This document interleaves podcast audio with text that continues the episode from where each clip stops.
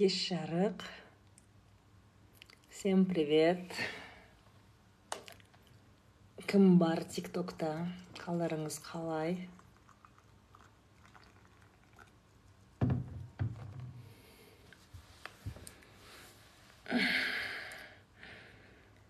Кажется никого. А вот подключается.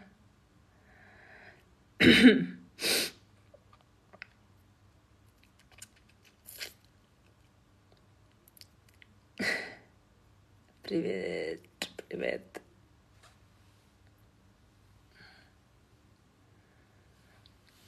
Давайте әңгіме айтамыз шүкір. Шүкір. Тик токқа шығатын болғансыз ба? Енді шығып жүрмін ғой. Алдында да шығып жүргем. Просто нечастно нечасто постоянно шықпаймын. Анда сәлем. Ой спасибо. Бір жарым миллионға қадалып қалдым. Мадин такое бывает такое бывает. Адам ақылды болса білімі болса адам ақылды болса ол алданбайды. Яғни просто так ақшаңды біреуге беріп қоюға болмайды тем более такая большая сумма.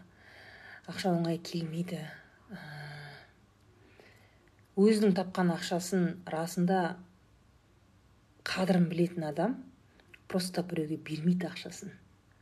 Понимаете? Это надо білмеймін қалай сендер ше? Күндіз түні еңбектеніп тапқан ақшаларды біреуге бере саласыңдар. Адам өзін құнсыздандырған кезде ол тапқан ақшасын да құнсыздандырады. Ол басқа біреудің ә, жаңағыдай манипуляциясын басқа біреудің проблемасын жоғары қояды да өзіне ше? Мысалы сенде ақша бар и біреу сенен жаңағыдай саған келіп құлағыңа гүл өсіреді да ой давай мадина мынақа сен ә, сал там мың жарым бір жарым мың доллар ой доллар говорю.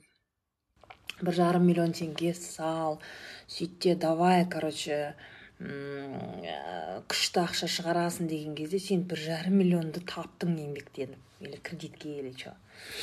Не алдың да соны ә, есепсіз ә, ешқандай бір ә, аналитика жасамай есеп жасамай толыққанды білмей ақшаңды оңай бере салдың. Осы нәрсені түсіну керек та адам біріншіден біріншіден білімі төмен болғанда екіншіден өзінің еңбегімен өзінің ақшасын құнсыздандырғанда сондай ақшасын оңай салып жібереді. Сондықтан да ә, білімді болыңыздар. Ә, оңайлықпен адам деген ақшасын бермеу керек қой. Мысалы біздер инвесторлар бізге неше түрлі проекттер келеді. Осындай істейік деп мә енді өлердегі сөзін айтып расында қаласаң талантты ә, керемет қазақтың қыздары мен жігіттері мықты проектілермен келеді да. Енді эмоция деген энтузиазм деген ұрып тұр. Менде ақша бар. Ә, маған естественно инвестор ретінде келеді жаңағы сіз ақша салыңыз деген мәселеде. Но я считаю по 10-15 раз есептеймін мен.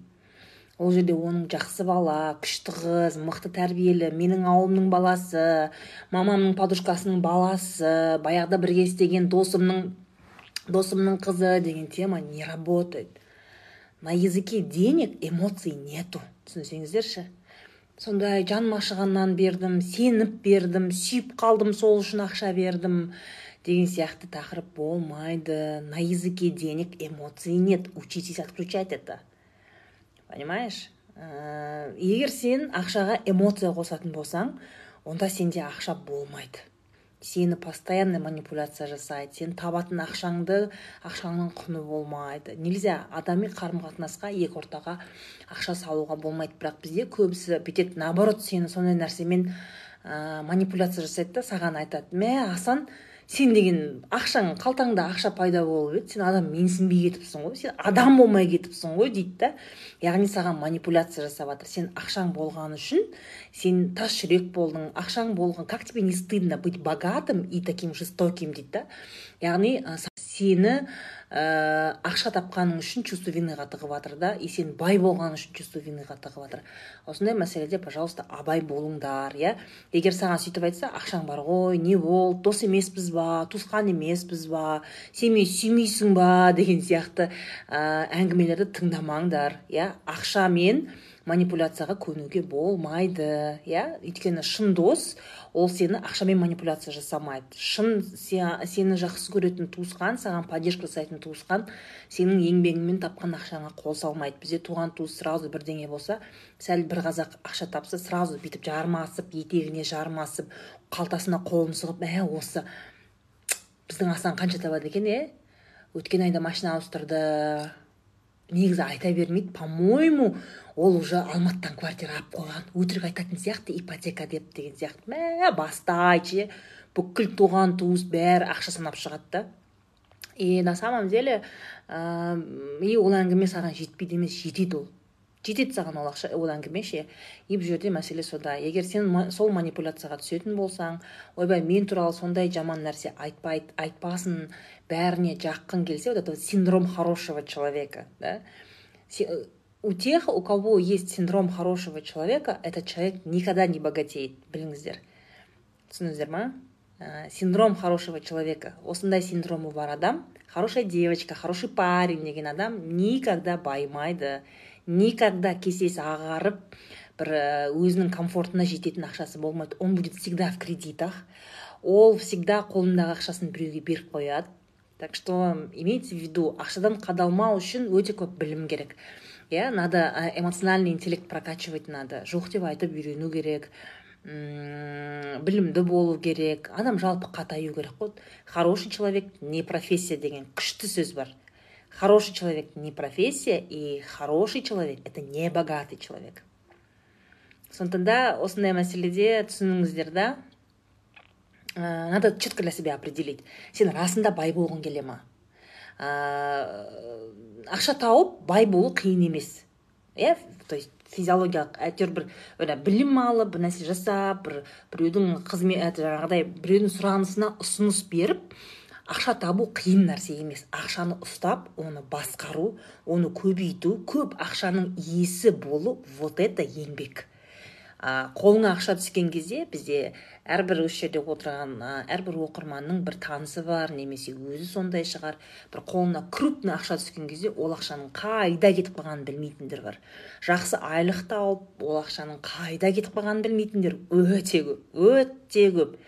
Ақша табам айына почти миллион табам бірақ қайда кеткенін білмеймін.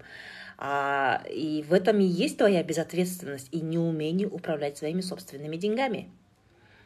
А, понимаете? А, адам ақшасын басқара алатын адам ол есептейді әр тиынын есептейді. Сол миллион теңге табыс табатындар сен өзіңнің каспиіңді аш та выпискаңды қарашы. Қара қаншасы сенде неге кетті? Ресторанға кетті.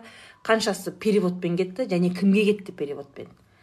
Бізде қазақстанда егер біз нені ә, статистиканы қаратын болсақ недавно осындай жақсы бір статистика шығыпты.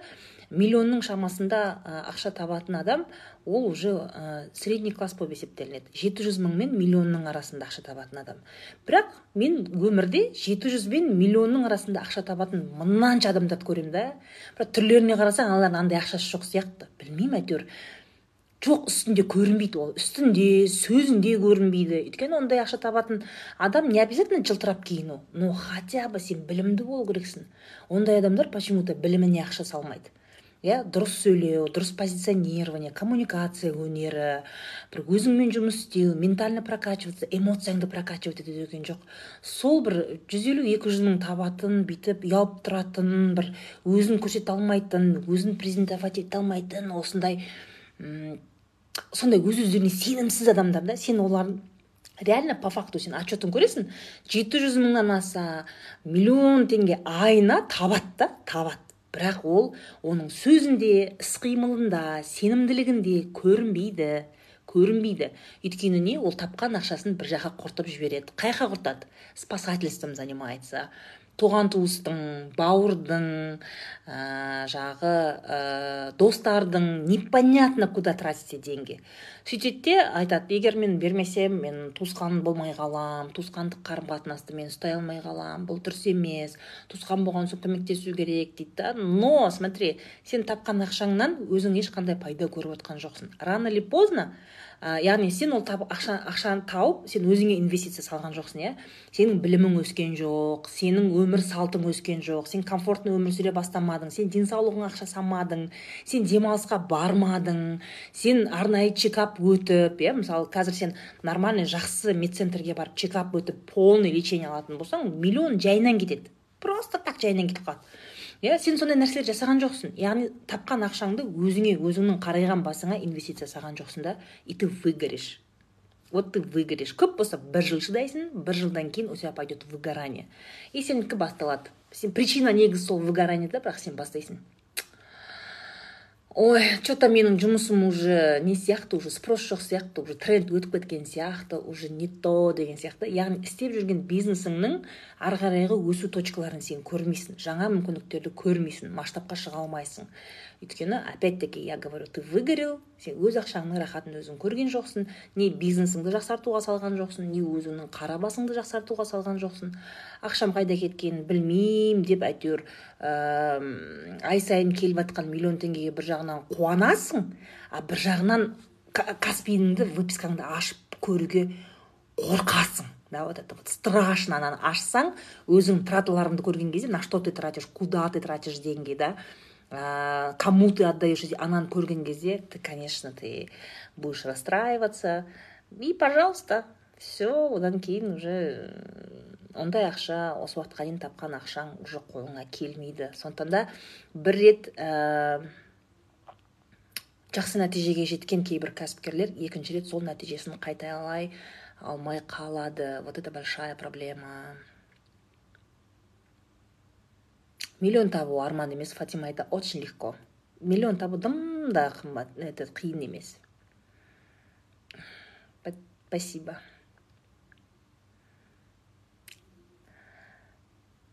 Ә, ауылдың жігітіне тұрмысқа шығуға қалай қарайсыз? Ако мәселе ауылда емес мәселе ауылда емес мәселе қарым қатынаста мәселе сіздердің түсіністіктеріңізде мәселе сосын ол жігіттің дальнейший планында.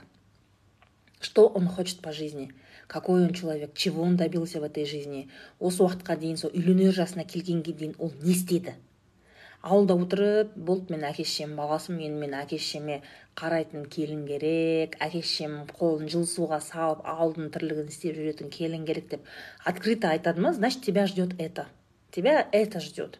Иә бірақ осы уақытқа дейін ол бала мейлі бір қалада білім алып ары қарай білімге дамып бір мақсаты бар бір бірнәрсе ашам ауылда жүрсем де бір кәсіп жасаймын бірдеңе деген сияқты өзі сондай стремлениесі бар. Осы уақытқа дейін бірдеңе істеген жігіт болса ол ауылда не соқты ауылдың сұлтаны болады иә тесіп шығады. Немесе қалаға көшеді немесе шетелге не қылады а так былжырап отқан уже этот не деп мамашкеге қарайсың ауылда тұрасың бір бәле деген сияқты. Осындай жігіт па? Ну зачем тебе это басыңды ауыртып? Зачем? Иә мәселе конкретно ауыл бұл жерде проблема ә, ауылда емес қой бұл жерде проблема жігіттің өзінде. Сен жігітті қарасай ауылда емес. Понимаешь? Егер сен расында оқыған тоқыған мықты өзіңді сүйетін алдында мақсаты бар мықты жігітпен тұрмыс құрсаң сен онымен ауылда да өлмейсің сен онымен қалада да өлмейсің сен онымен шымкентте де ой шетелде де өлмейсің. Нигде. Да? Главное чтобы он был ответственный амбициозный бірдеңе істегім келеді бірдеңе жасағым келеді деген ә, жігіт болу керек та. Тут у вас ауыл ма басқа ма сам конкретно жігіттің өзі почему то тебя не интересует. Какой он парень? Кто он? Қолынан бірдеңе келе ма? Әшейін университетті жаңағы коридорда бітірген қолынан дым келмейтін жігіт па?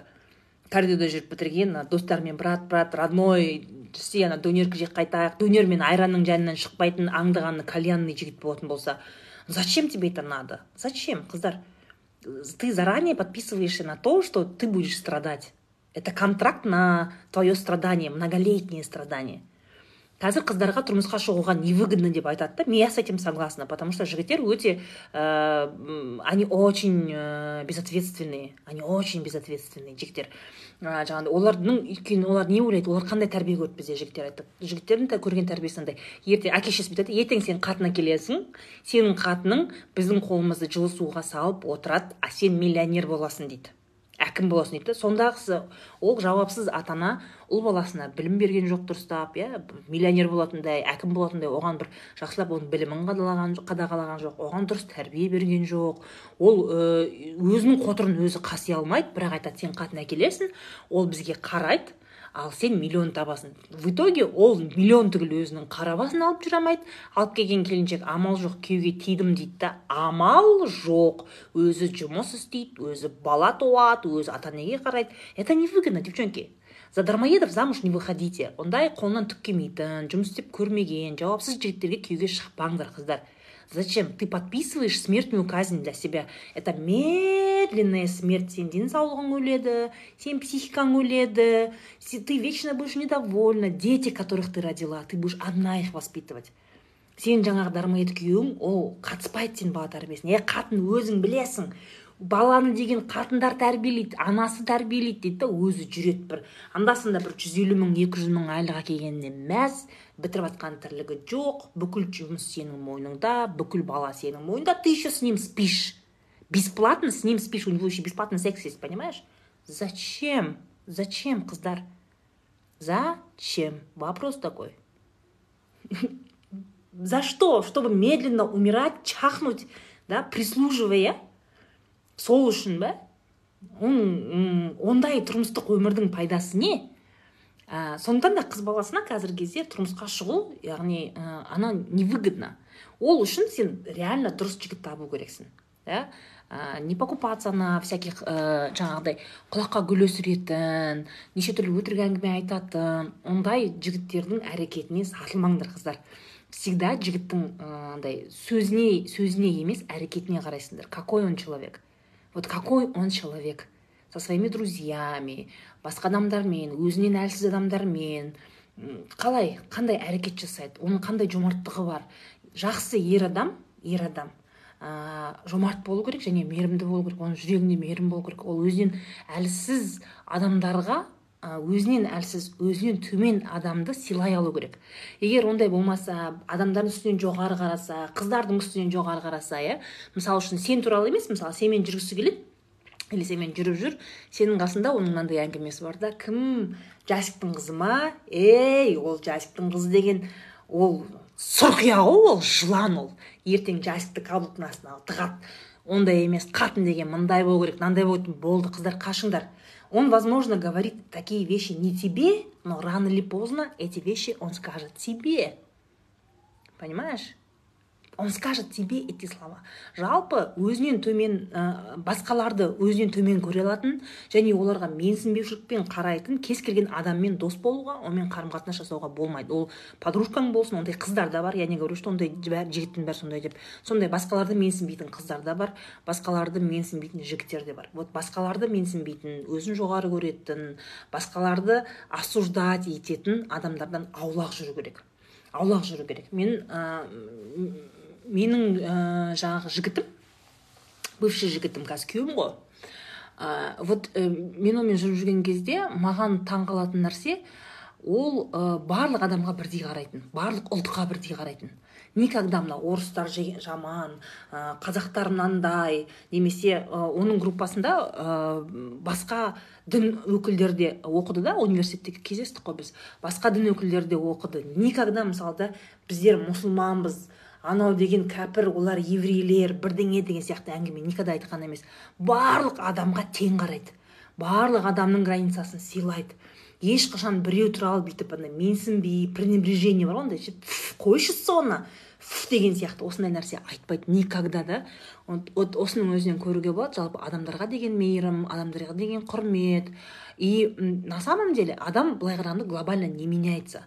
Сен қазір жігітің грубиян болатын болса қазір сенің жігітің далбоеб болатын болса ол ертең сен үйленгеннен сен оған бала туып бергеннен ол өзгермейді. Ол өзгермейді. Вот ты какого берешь вот с такими будешь жить. Понимаешь? Сондықтан да осындай нәрседен ә, әңгімеге мән беріңдер. Именно сенімен әңгімеге емес басқа адамдармен қалай сөйлеседі. Иә оның сөзі қандай оның мәмілесі қандай басқа адамдармен. Басқа адамдарға деген оның құрметі қандай иә. Сен егер ондай жігітті көрсең өзінен әлсіз өзінен ә, может ақшасы төмен может быть өзінен статусы төмен адамдарға равный қарай алса мейіріммен қарай алса толерантный бола алса ертең саған да сондай жасайды деген сөз.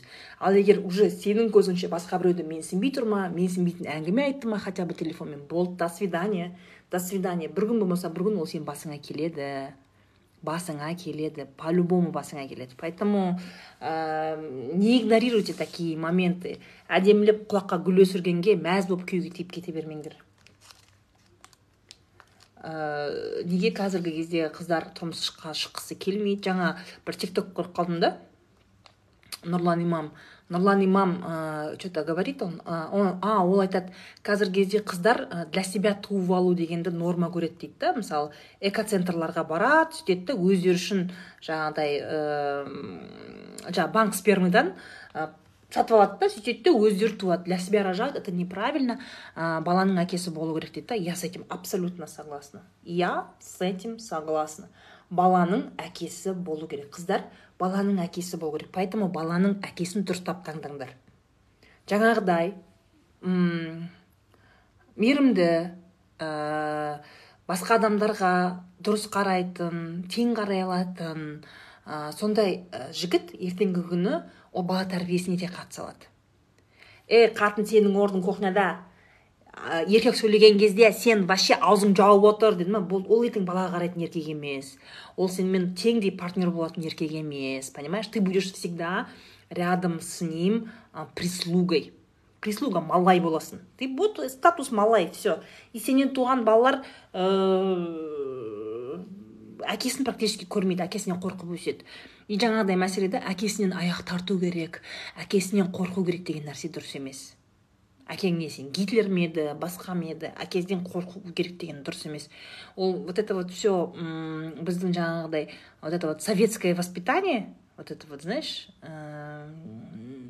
ол вообще дұрыс емес. Дұрыс емес. Бұл советтің кезінен қалған нәрсе ғой. Жаңағыдай советтің кезінде көп еркектер ішеді. Естественно ішіп келген еркектен бәрі қорқады. Ол содан қалған нәрсе да жаңағыдай ойбай әкесінен аяқ тарту керек әкесінен қорқу керек деген нәрсе. Ондай емес. Екі ата ана әкесі де анасы да бала тәрбиесіне теңдей қатысу керек. Теңдей қатысу керек тәрбиеге әйтпесе бала просто әкесін танымайды. М әке тәрбиесін көр, әкенің мейірімін көрген қыз өте сенімді болады. Ә, мысалы мен өскен кезде ғана осының құндылығын түсіндім да. Өйткені ә, мен өскен кезде бүйтіп ойлап қарасам менің көп ауылдағы сол таныстарымның бірге өскен замандастарымның әкелері ішкен екен. Ішіп жаңағы тоқсаныншы жылдар ғой енді ішіп салынып сөйтіп әкелерінен қорқып өскен екен да. Ә, я вам скажу ол қыздардың өмірлері керемет деп айта алмаймын. Ал ә, мен ол кезде бала болғаннан кейін мен бірақ бүйтіп понимаешь мысалға да у кого кімнің ә, әкесі сондай проблемный болса ол әкесі проблемный емес қыздарға қарап армандап өседі. Сондай қыздар ше әкелері проблемный немесе әкесі жоқ қыздар әкесі бар үйінде жаңағы мейірімді қыздарға қарады да соларға қарап қызығып өседі. Менде ондай проблема болмағандықтан менің өзімнің нормамда менің әкем өте бізге жаңағыдай біздің тәрбиеге постоянно араласады өте мейірімді. Біз мысалы тамақ істеуді маған папам үйреткен. Олар үйде үйдің тірлігін мен әке шешем түгел екеуі елу де елу бөліп не қылған да никогда бізде бір әкем бүйтіп ей әкеңнен қорқыңдар! деген ондай тәрбие жоқ та бізде үйде равный болатын еді. Сондықтан да мен басқа қыздардың ондай бойдарын білмейді екенмін. Білмейді екенмін да. Өйткені сен понимаешь только сенде проблема бар кезде ғана сен проблема бар екенін білесің да. А когда у тебя проблемы нету ты этого не понимаешь. Мен оны өскен, өскен кезде түсіндім да. Оказывается көп қыздарда осындай не жаңағы ә, әкем жоқ немесе әкем осындай проблемный салынып ішетін біз ұратын жаңағыдай ә, қуа қуып ішіп қуып бізді ұратын деген сияқты әңгімені естіген кезде мен таңқалатын едім да. Сондықтан да менде ол проблема болмағандықтан мен де не проблемный жігітке тұрмысқа шықтым. Өйткені ә, ер адам қыздың өмірінде определенный жігіттің форматын салып береді да. Жігіт қандай болу керек деген сұраққа үйдегі әке жауап береді. Егер ә, даже әкесі бар болса да бірақ қыз баласы әкесінен қорқып ойбай отыр қазір папаң келеді деген сияқты өстіп не істеген болса ол значит өзінен қорқатын өзінен намного биік оны онша менсінбейтін сондай қыз сондай жігіт таңдайды. Сондай ше өзі қорқып тұратын өзі бүйтіп нәрсе. Ол мен чтобы он меня полюбил мне надо это заслужить деген сияқты. Осындай какой то недосягаемый жігітті таңдайды да. Өйткені бәрібір әкенің ә, балалардың өмірінде ә, рөлі үлкен. Ә, сондықтан да қыздар тұрмысқа шығарда сендер не только өзіңе жігіт өзіңе махаббат ойбай страсть люблю не могу емес ертеңгі күні ол жігіт сенің балаларыңа қандай әке болады? Сендер әке таңдау керексіңдер. А те, которые уже вышли замуж, и ваш э, партнер, ваш муж э, не э, общается э, с вашим ребенком, да, вот, э, не знаю, не участвует в воспитании, ничего страшного в этом нет. Я думаю, что можно будет такие пробелы заполнить за счет того, что можно хороших учителей привлечь, хороших преподавателей привлечь, да, хорошего ментора можно нанять. То есть э, такие пробелы можно закрыть. Это, то есть уже проблема, когда возникает, его можно решить. Но лучше ең дұрыс нәрсе проблема туындамай тұрып оны жабу иә яғни проблема туындауы мүмкін егер де сен изначально балаларыңа дұрыс әке таңдамасаң поэтому қуалап жаңағыдай не істеп жүрген әлгі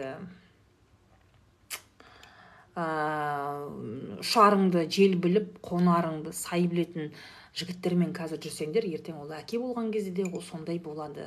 Бүкіл тірлік әйелдің мойнына қалады да сосын ол жүреді көшеде непонятно где.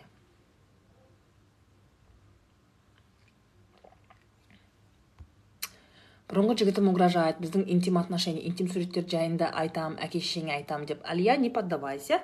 Айтса ты можешь подать на него в суд. Полицию за за ол сенің күйеуің емес қой яғни ә, разглашение разглашение ә, личной информации болып есептелінеді кәдімгі ол ә, уголовный уголовный кодекс по моему гражданский емес по моему уголовныйға жатады юристпен консультация жаса да өзін сотқа бер. Не надо ондай нәрсеге қорықпа даже если даже если шантаж жасап әке шешеңе ол нәрсе шығатын болса да ну блин алия. Ничего в этом страшного, смертельного нету. Просто подай на него суд.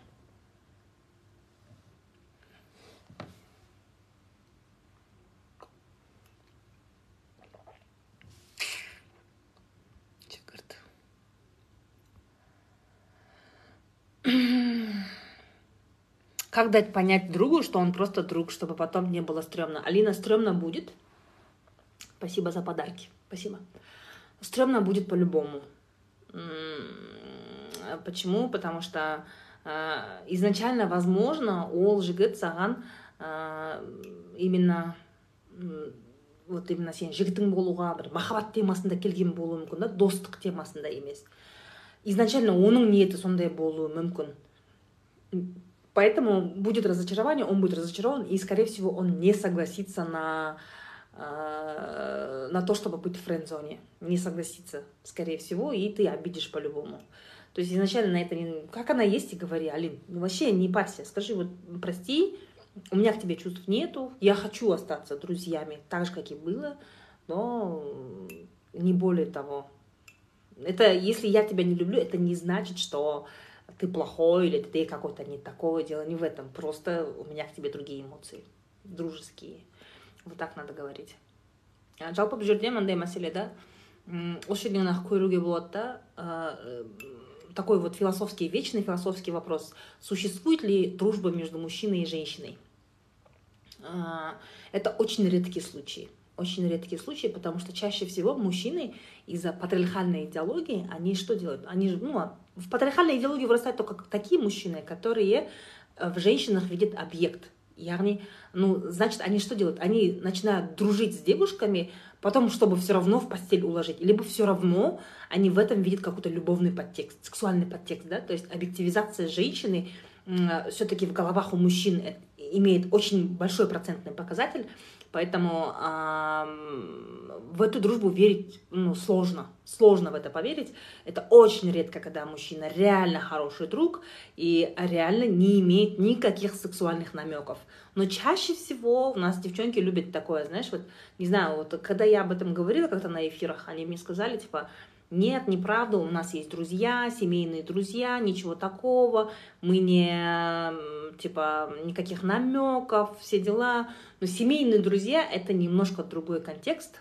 Это когда вы семьями общаетесь, это другой контекст. Я говорю про то, когда вот парень и девушка просто друзья. Это очень редко. Чаще всего мужчины сексуализируют и объективизируют девушек, и рано или поздно очень хотят уложить в постель. Очень хотят. Поэтому я в это практически не верю, не потому что в девушек не верю, я больше не верю в парней, которые вот, вот такие вот честные, честно.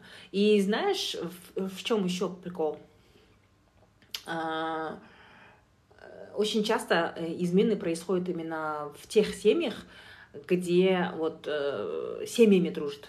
Муж и жена, там много друзей, они дружат с семьями, и очень часто измены происходят так, там. Почему? Потому что идет вот это вот, ахаха, мы же друзья, давай мы потанцуем вместе, давай я тебя обниму, да ладно, мы же друзья. И начинают друзья мужа лезть, э, ну, например, к тебе. No, no, no, no. Никогда семейными друзьями, қыздар осы жерде отбасылы әйелдер отбасылармен достармен сендер ә, жаңағыдай маевкаға барасыңдар кафеге барасыңдар отырыстар жасайсыңдар. Никогда ни ни ни ни ни ешқайсысымен құшақтасып жаңағыдай өзіміз доспыз ғой молодец сен еркек сияқтысың тура өзім мен роднойым сияқтысың как будто сен еркек сияқтысың деген кезде мәз болып құшақтасып не надо не надо семейными друзьями осы жерде отырған келіншектер егер ә, адам семейный другтарын қанша комплимент айтса да қанша ой сенің тамағың керемет то все никогда. Даже даже даже. Вот рядом даже. Может комплимент білдірген бірақ кеш давай брат сен тура менің жаңағы братым өзім роднойым сияқтысың деген кезде. Нет нет не надо так делать. Хорошо? Ондай нәрсеге көнбеңдер. Ол арты жақсы нәрсе болмайды. Потому что чаще всего еркектер они сексуализируют бәрібір қанша дегенмен да. Ішеді ол отырыстарда очень часто бывает алкоголь ә, и это нехорошо. Ертең бір бәле болатын болса бізде чаще всего ә, осындай отбасы аралық осындай конфликттер туындаған кезде әйелді кінәлі қылады. Иә жаңағы тана көзін сүзбесе бір бәле деген әңгіме да? Бізде любой нәрседе мысалы измена болса да любовницаны ә, обвиняют. Или измена болса ә, әйелін обвиняют вот ты плохая жена сен жаман ә, жаман әйелсің байыңды ұстап қалмадың иә? Бізде қоғамда любой вопросқа әйелді виноват қылады. Поэтому әйелдер этот не просто өздеріңді защищайте никогда. Қанша жерден мақтап жатса да не істеп жатса да до свидания. Алыстан қайтару керек. Понятно?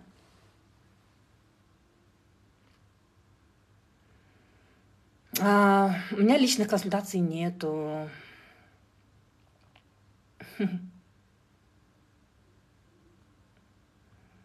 Рахмет.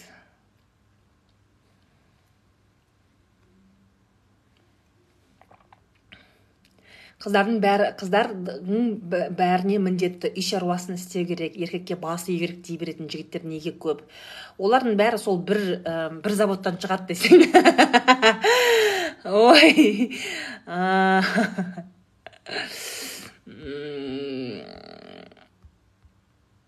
Ол сондай. Қыздардың барлығы ол ондай жігіттердің бәрі бір заводтан шығады.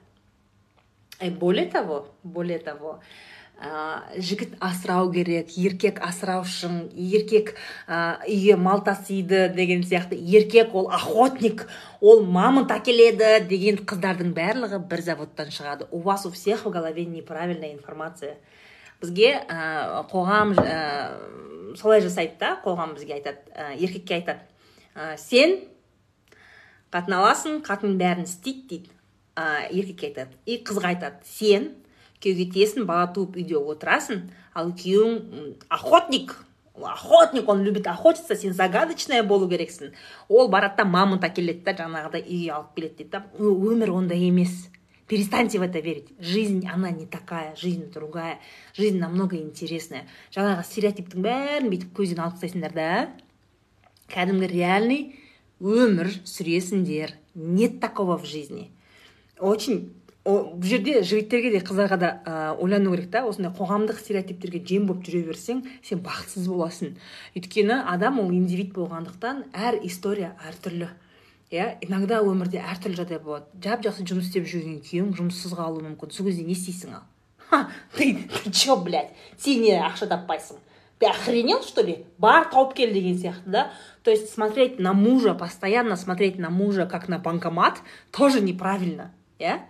Ә, қазіргі заманда отбасы системасы өзгерді да бірақ адамдар соны қабылдағысы келмейді. Сендер сол баяғы тас дәуіріндегі системамен өмір сүргілерің келеді но жизнь она не такая. Охотников уже нету. Біз барлығымыз офистарда жұмыс істейміз. Біз бәріміз қазір технология алға кетті. Стартаптар ойлап тауып жатырмыз. Қазір кім охотаға шығып жатыр? Шындығыңды айтыңдаршы. Ешкім де охотник емес. Қазір ақшаны әйел де табады еркек те табады. Білімді әйел де алып жатыр еркек те алып жатыр. Тура сол сияқты отбасы өмірі де өзгеру керек. Қазір отбасы деген бәрін даже ауылда тұратындардың өзі қазір ешкім онша маңдытып мал ұстамайды сиыр ұстамайды. Это редко. Это очень редко ауыл шаруашылығымен айналысатын отбасылар. Сөйтеді да сонда не бүкіл үйдің тірлігін жаңағы үйде аз емес даже барлық нәрсе жаңағыдай стиральный машина болса да микроволновка бәрі болса да ол өзімен өзі қимылдамайды. Оның бәрін қосу керек тамақты бәрібір жасау керек деген сияқты. Сонда бүкіл ол жұмыс әйелге қалайды да қарайды да жұмыстан келген әйелге қарайды да а еркек тоже жұмыстан келеді да бірақ ол телефон шұқып отыра ма? Так не пойдет. И уже отбасы системасы неге ауысты деп уже өзгерді да? И егер сен осы өзгерген системамен өмір сүрмесең сен бақытсыз боласың. Не сен бақыттысыз боласың жалпы отбасы бақытсыз болады. Неге? Өйткені қазіргі кезде бәрі бірлесіп жасалынады. Бірлесіп жасалады. Онда тұрған ештеңе жоқ. Кеше мен жақсы ана рилсті көріп жатырмын чемпион чемпион жанқош тұраров. Мысалы да жанқош тұраров көрдіңдер ғой. Үйде тамақ істеп жүр. Чемпион. Дымы да жоқ ешкім оған ой брат сен болды сен каблук болыпсың деп жатқан жоқ. Все говорят ему классно иә өйткені отбасы бірге құрылатын система. Иә үйдің да тірлігін бірге істейсіңдер баланы да бірге қарайсыңдар ақшаны да бірге табасыңдар. Баланы жоспарлап бірге туасыңдар. Андай ой көтеріп қойыппын деген тема болмайды да. Ол ә, планируйте беременность. И баланы жоспарлауға тек қана әйел қатыспайды андай. Өзіңнің ішетінің салатының бар еді ғой соны бірдеңе қылсайшы деген нәрсе дұрыс емес. Ер адам тоже қатысу керек. Отбасына отбасыны жоспарлауға. Ойбай ертең мен мен егер бассыз болатын болсам егер мен осыны контроль жасамасам ә, әйелім ертең екіқабат болатын болса это тоже расходы. Ол баланы мен де яғни еркек егер бала қарап үйренген еркек болатын болса ол ойланады да так подожди мен мына мен үлгермей жатырмын қазір әйелім тағы туатын болса мен қалай үлгеремін деген проблема оның басында болу керек та все проблема в том почему мужчина безответственно относится к сексуальной жизни в семье Потому что э, мужчина не участвует в воспитании ребенка. Он должен участвовать в воспитании ребенка. Если он не будет участвовать, соответственно, он и не будет предохраняться. Пусть тоже предохраняется. Пусть тоже думает о том, как, э, как его жена может не забеременеть. Ол интерес, оның интерес өйткені ақша келіп жатсыңдар сендер бала ол расход вы, вы должны об этом думать. Сондықтан да ә, қазіргі кезде еще раз говорю отбасы системасы өзгерді. Хотите вы этого или нет но жизнь поменялась. Оған келіспеймін дейтіндер өте қатты қазір ұтылып жүр. Оған келіспеймін дейтіндер. Әйел бақытсыз еркек те бақытсыз еркек күндіз түні жатпайды тұрмайды жұмыс істейді. Ә, табысы болмай қалса бала шағасы да аш әйелі де аш от этого страдают все. Яғни қаржылық нагрузканы әйел де еркек екеуі де бірге бөлісіп алу керек. А бізде мынандай да ә, әйел жұмыс істеуі мүмкін бірақ оның ақшасы көрінбейді иә? Әйелдің ақшасы ақша емес. Вот еркектің ақшасының берекесі бар әйелдікі берекесі жоқ. Да херня это все я вам скажу. Это бред просто бред. Деньги не пахнут. Неважно әйел тапты ма оны еркек тапты вообще без разницы. Деньги не пахнут главное чтобы деньги они шли домой. Сондықтан да қаржылық мәселеде отбасы бірге құрылу керек отбасыға қаржы екі жақты кіру керек баланы жоспарлау керек білімді алу керек әйел еңбек нарығында төмен болып қалмау керек. Иә еңбек нарығында ол мықты специалист болып та өсу керек. Вот сол кезде сендердің балаларың да білімді болады шетелге де шығасыңдар үйді де аласыңдар мемлекетке ауыздарыңды ашпай. Там не знаю очередьке тұрып льготное жилье дегенге вообще қарамайсыңдар будете покупать салонов машины в новом доме с ремонтом. Бәрі бәрі болады. Ол үшін бірлесіп істеу керек. Барлық нәрсені. Сенікі менікі демей. Бір үйде отырып бір еркек пен бір әйел бір бірімен қырылып отырады. Мынау сенің жұмысың мынау менің жұмысым. Нет такого.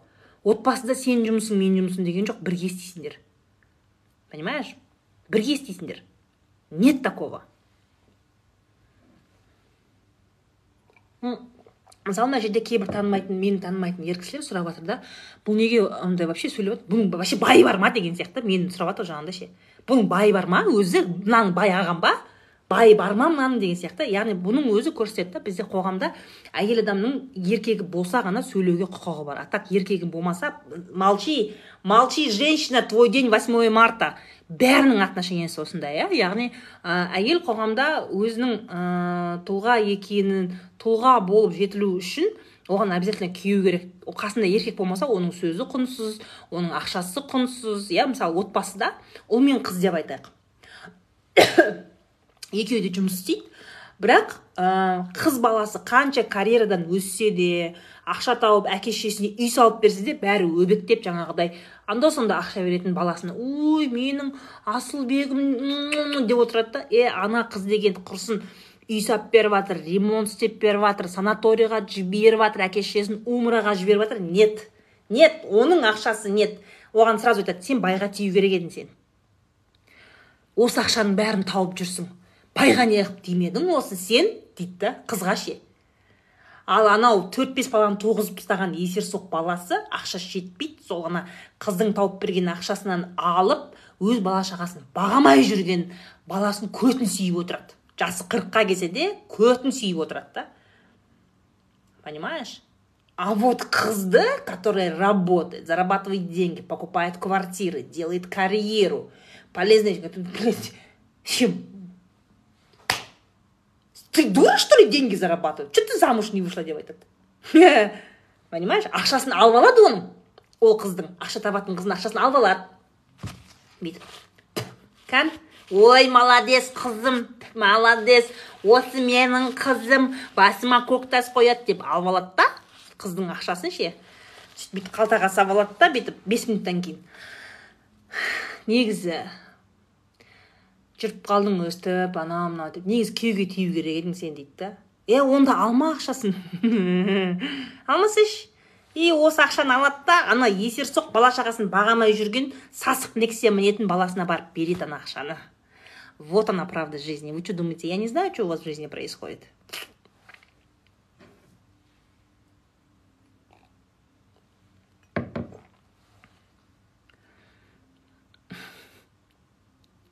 Спасибо. Спасибо большое.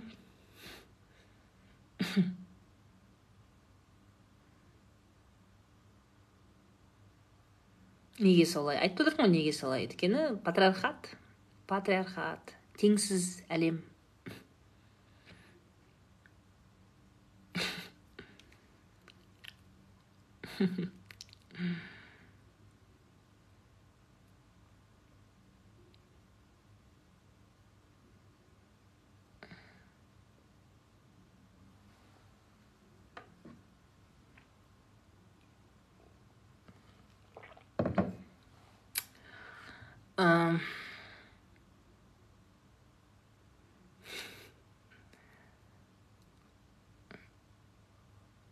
сіз феминисткасыз ба мен өзімді феминисткамын деп айта алмаймын өйткені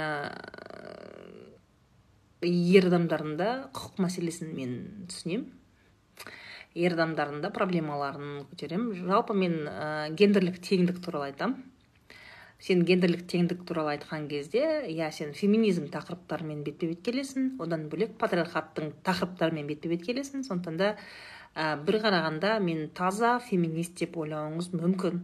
Бірақ менің ә, айтатын әңгімем көбіне ол гендерлік теңдік мәселесі. Бізде гендерлік теңдік ә, заң ә, тұрғысында жақсы шешілген. Ә, заңды түрде біз тең құқылы тең мүмкіндікті адамбыз иә әйелдер қауымы. Бірақ та қоғамда әйелдер ә, ондай мүмкіндіктерге ие емес. Қоғамда әлі де әйел адамды қысады әйел адамды төмен көреді ә, карьерада көтермейді. Әйелге сен ә, бір саты төменсің деп айтады. Ә, немесе әйелдің ақшасының берекесі жоқ деп айтады. Жүз теңге әкелсе де еркектің ақшасында береке бар деген сондай өтірік әңгімелер көп та мысалы үшін осындай мифтар көп. Сосын сен женственная бол ә, бірдеңе немесе іскер.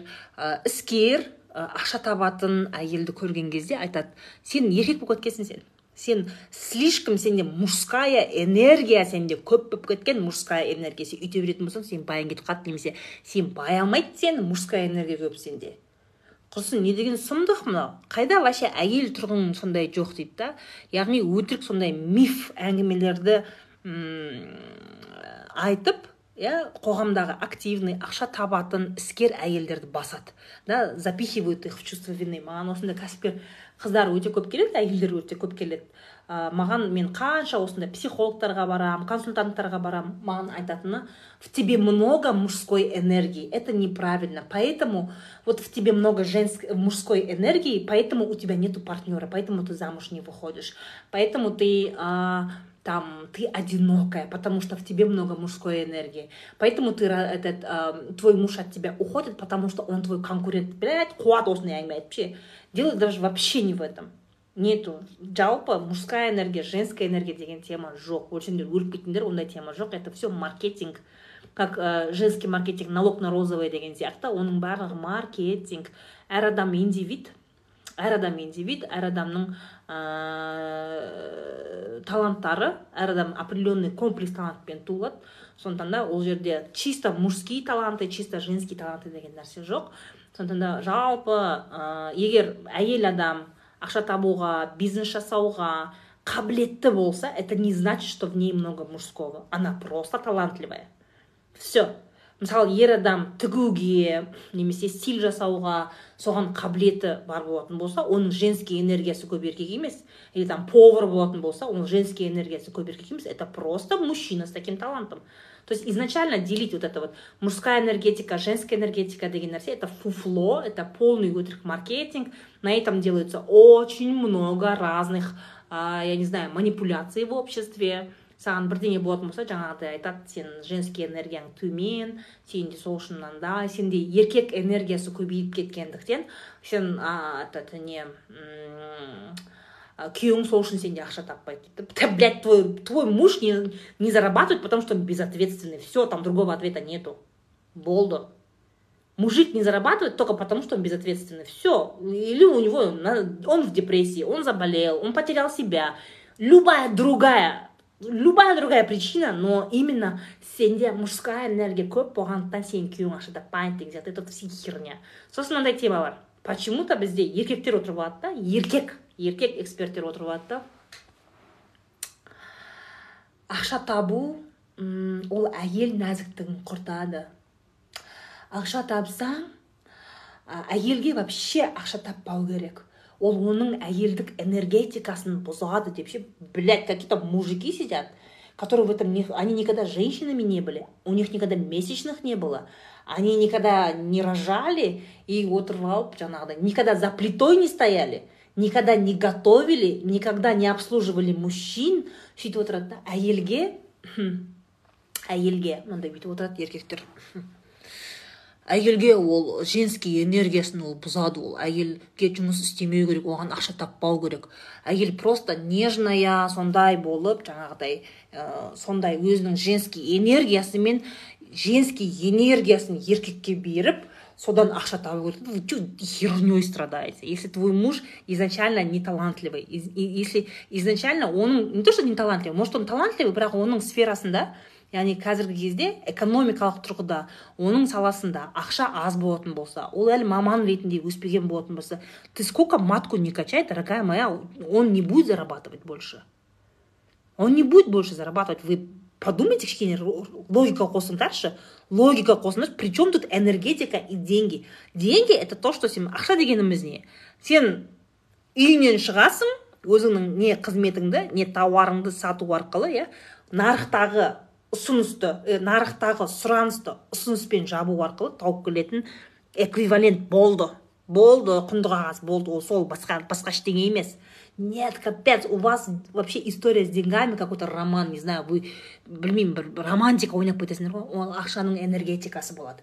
Ақшаны бүйтіп шақыру керек ақша бүйтіп келу керек. В смысле ақшаны шақыру керек ақшаны келу керек деген нәрсе? Кішкене реальностьқа келіңдерші өтініш адамдар. Өтініш. Реальностьқа кішкене келіңдерші деньги не пахнут у денег нету энергетики никакой. Никакой. Оны сен шақырмайсың оны сен тартпайсың оны сен өміріңе келтірмейсің. Нет такого.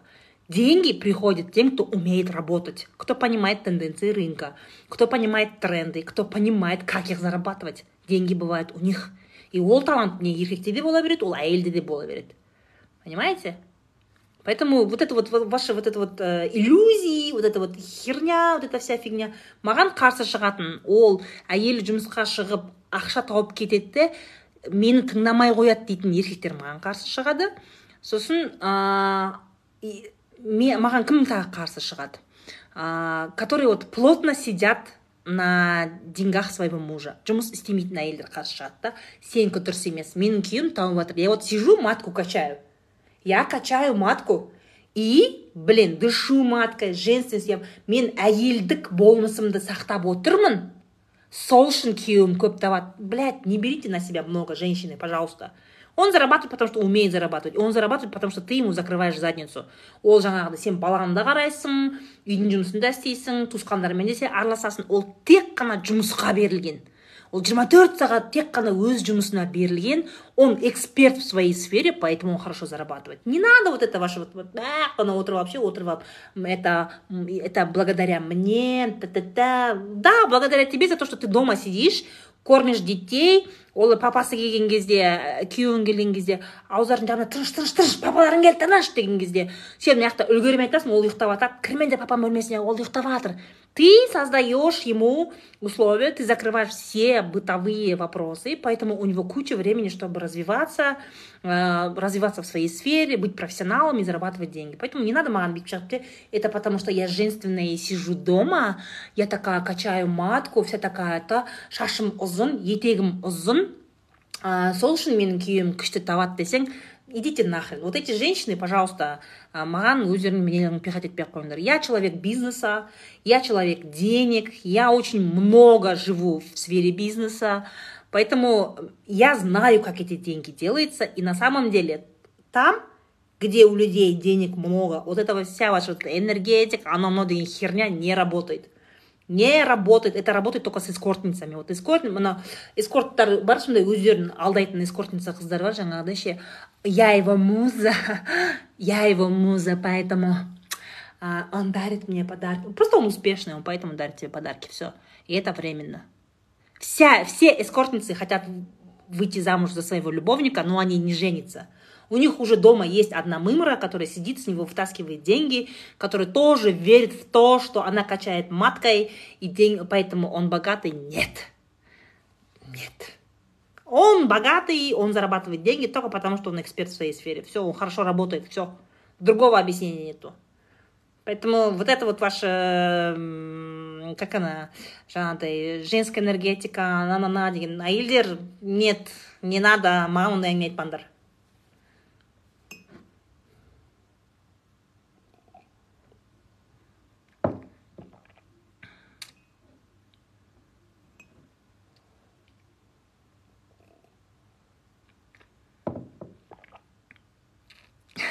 спасибо мысығы бар азамат.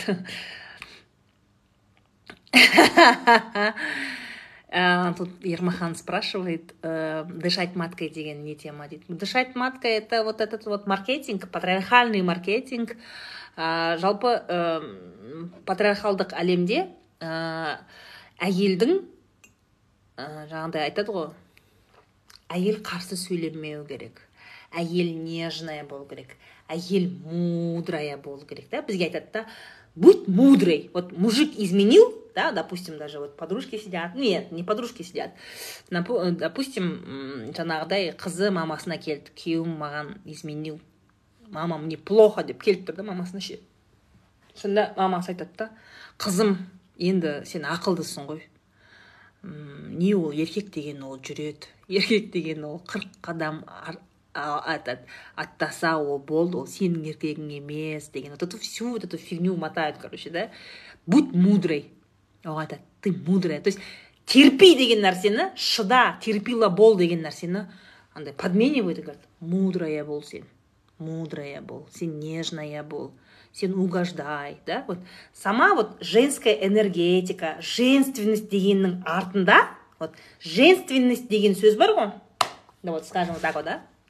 Допустим здесь написано слово женственность да вот так вот. Оның артындағы шындықты айтатын болсақ оның артындағы шындық шыда еркектің любой иттігіне шыда ешқайда кетпе қарсы сөйлеме ойыңды айтпа вообще үндеме. Көрдің ба? Саған айтады женственная қыздар шаштарыңды жайып ұзын юбка киіп женственная болыңдар. Қай кезде де еркек ашуланып келсе үндеме оған тамағын бер оған бүйт деген сияқты да все в этом мире для мужиков. Вот все в этом мире. А ол ашуланып келеді сен үндемейсің он на самом деле возможно там не знаю там э, эскортница может вытащила с его кармана деньги он злится да допустим. Кто его знает что за у него проблемы? Но саған айтады сен күйеуіңнің проблемасына араласпа дейді ол как будто сен құдайың вот күйеуің жұмыстан келген кезде ол сенің құдайың сияқты да ты понимаешь? Если сен сөйтіп қарасаң женственность деген сөздің артында не тұр иә? Еркегіңе пірдей қара құдай қара. Оған сөйлеме оның не істесе де шыда кетпе екінші қатын үшінші қатын әпер дейді да вот. Это вы понимаете под словом женственность это вы так понимаете слово женственность дорогие мои. Спасибо большое. Вы так понимаете слово женственность сол ма сендердің женственность дегендерің жандарым ондай женственный болмай ақ қойыңдаршы. Вот это это называется терпила. Терпила. Будь красивый и терпилый понимаешь? Вот это вот то что вы называете э, женственностью. Қойыңдаршы айналайындар вот это вот эти сказки пожалуйста расскажите кому-нибудь другому. Ә, это чисто патриархальная идеология. Оның бәрінің шығуының өзінің тарихы бар. Расында қазір енді қарашы біз технология дамыған әлемде өмір сүреміз рахмет. Рахмет такие подарки классные спасибо большое. Технология дамыған заманда қазір әйел ақша тауып ә, жұмысқа шығып ақша таба алады иә? Бірақ осыдан жүз жыл бұрын әйел жұмысқа шыға алмаған оның ондай құқығы болмаған. Жұмысқа шығу не? Әйел оқу оқи алмаған иә? Мысалы медициналық білім ала алмаған әйел. Ә, это было прям преступление. Оқимын деген әйелді кәдімгі түрмеге жабуға дейін алып барған да? Осыдан жүз ақ жыл бұрын. Әйелде амал жоқ. Ол адам ретінде тұлға ретінде өзі ақша таба алмағандықтан ол еркекке жабысып өмір сүруге ә, мәжбүр болған. Ол оның қас қабағына қарауға мәжбүр болған. Өйткені оның бүкіл наны жейтін тамағы ол соған байланысты болған. Ал қазір мына заманда қыздар сендер өздерің ақша табасыңдар білімдерің бар қаншама он еркектен ақылды қыздар бар. Вы че зачем вы себя не знаю бір ә, какой то бір оқымаған бір дармоедке күйеуге тиіп аласыңдар? Нет. Давайте у вас будет ә, больше ә, требований. Талап етіңдер жігіттерден. Білімді болсын тура сен сияқты ақша тапсын сен сияқты дәрежеде карьера қусын сен сияқты шетелге барсын сен сияқты шетелдік тілдерді білсін. Требуйте если он саған сенің деңгейіңе келмей ма онда шықпа күйеуге. Жүрме ондай жігітпен. Зачем? Жалғыздықтан өлсін ондай жігіттер. Зачем это понимаешь это вредно. Өзіңнен төмен жігітке күйеуге лишь бы жігіт болсын лишь бы күйеу болсын деп өзіңнен төмен жігітке күйеуге тиетін болсаң ты будешь страдать всю жизнь страдать всю жизнь будешь ты будешь таскать ол сенің балаң болады ол күйеу сенің күйеуің емес ол сенің балаң тұңғышың болады а деп аузыңа қарап саған сөйтіп отырады. Ты его тащишь үйге ақша әкеліп бересің ты его родственников тащишь зачем тебе это надо?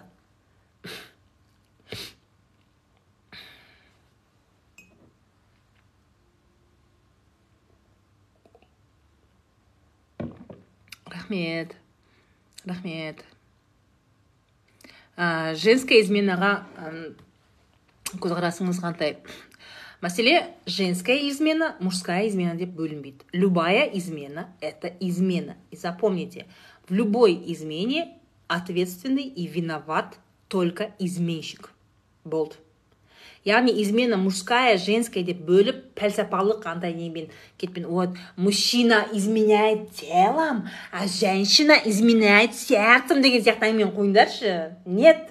Измена она и есть измена. Все и в нем виноват изменщик. Яғни ә, еркек измена жасаса ә, оған ана басын айналдырған қатын любовница кінәлі емес. Еркек измена жасаса оны жаңағыдай оған көңіл бөлмеген әйелі кінәлі емес оған еркек қана кінәлі. Понимаешь? То же самое әйелде. О спасибо. То же самое әйелде. Әйелде тура сол. Маған көңіл бөлмеген еркек кінәлі емес. Нет. Или я не могу забыть своего бывшего до сих пор о нем думаю деген мәселе емес. Нет. Это безответственность. Причина измены это безответственность. Все ол жерде басқа причина жоқ и в этом виноват только сам изменщик или изменщица. Не делите измену ни туда ни сюда.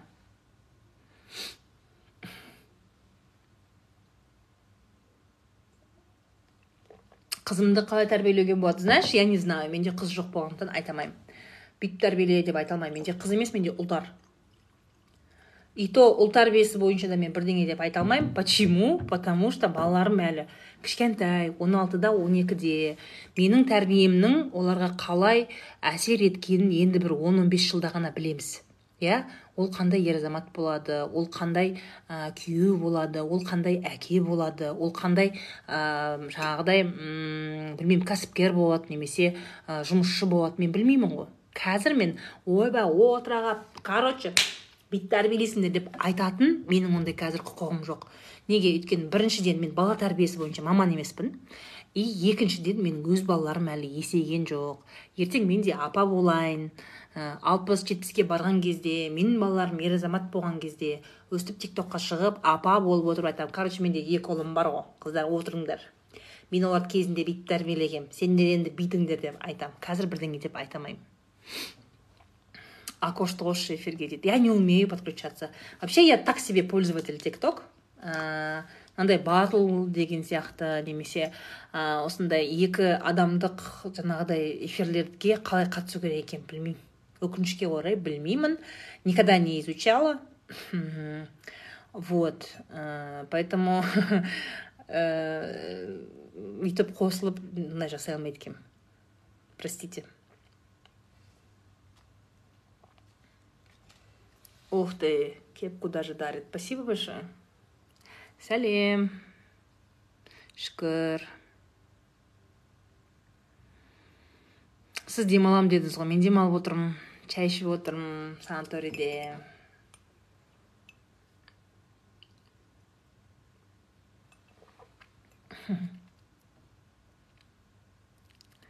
женщина туралы айтып қойдым надя?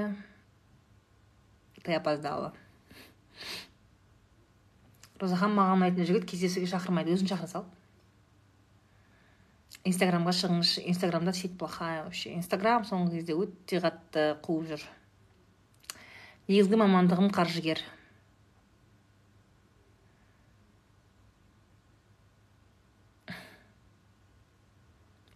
Сәлем. Аффирмация дегенге сенесіз бе? Жоқ. Күйеуім шымкенттен емес күйеуім жамбыл облысынан.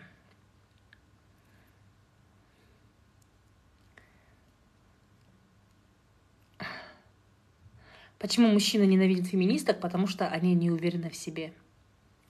Они не уверены в себе. жалпы феминистерге өте позитивно қарайтын ер азаматтар бар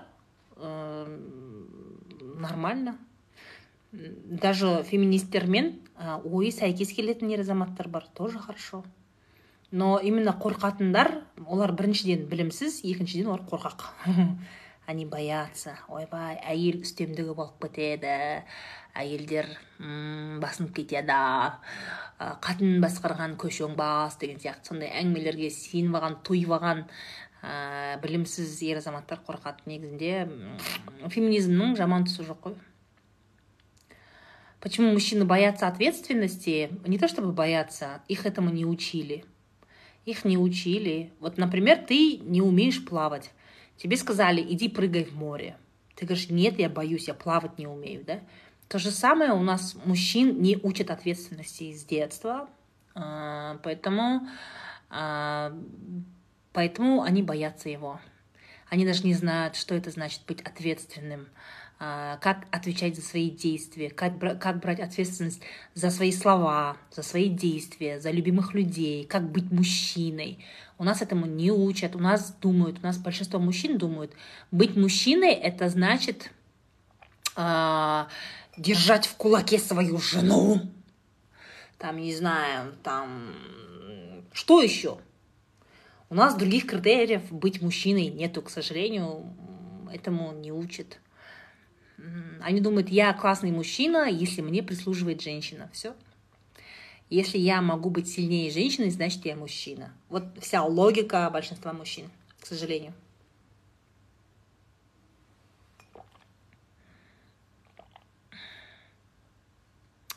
Что делать, если булят в школе? Я рекомендую поменять школу. То есть родители должны быть заинтересованы в том, чтобы поменять школу ребенку. Потому что э, в школе это такая тема.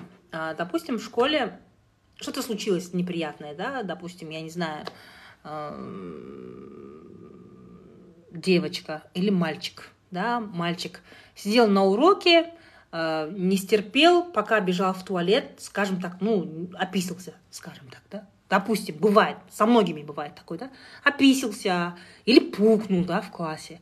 Все, это запомнит на всю жизнь. Всю жизнь за этим мальчиком будут говорить, ой, сипойган, это он, что ли, это там пукнул. Всю жизнь из класса в класс это будет тянуться.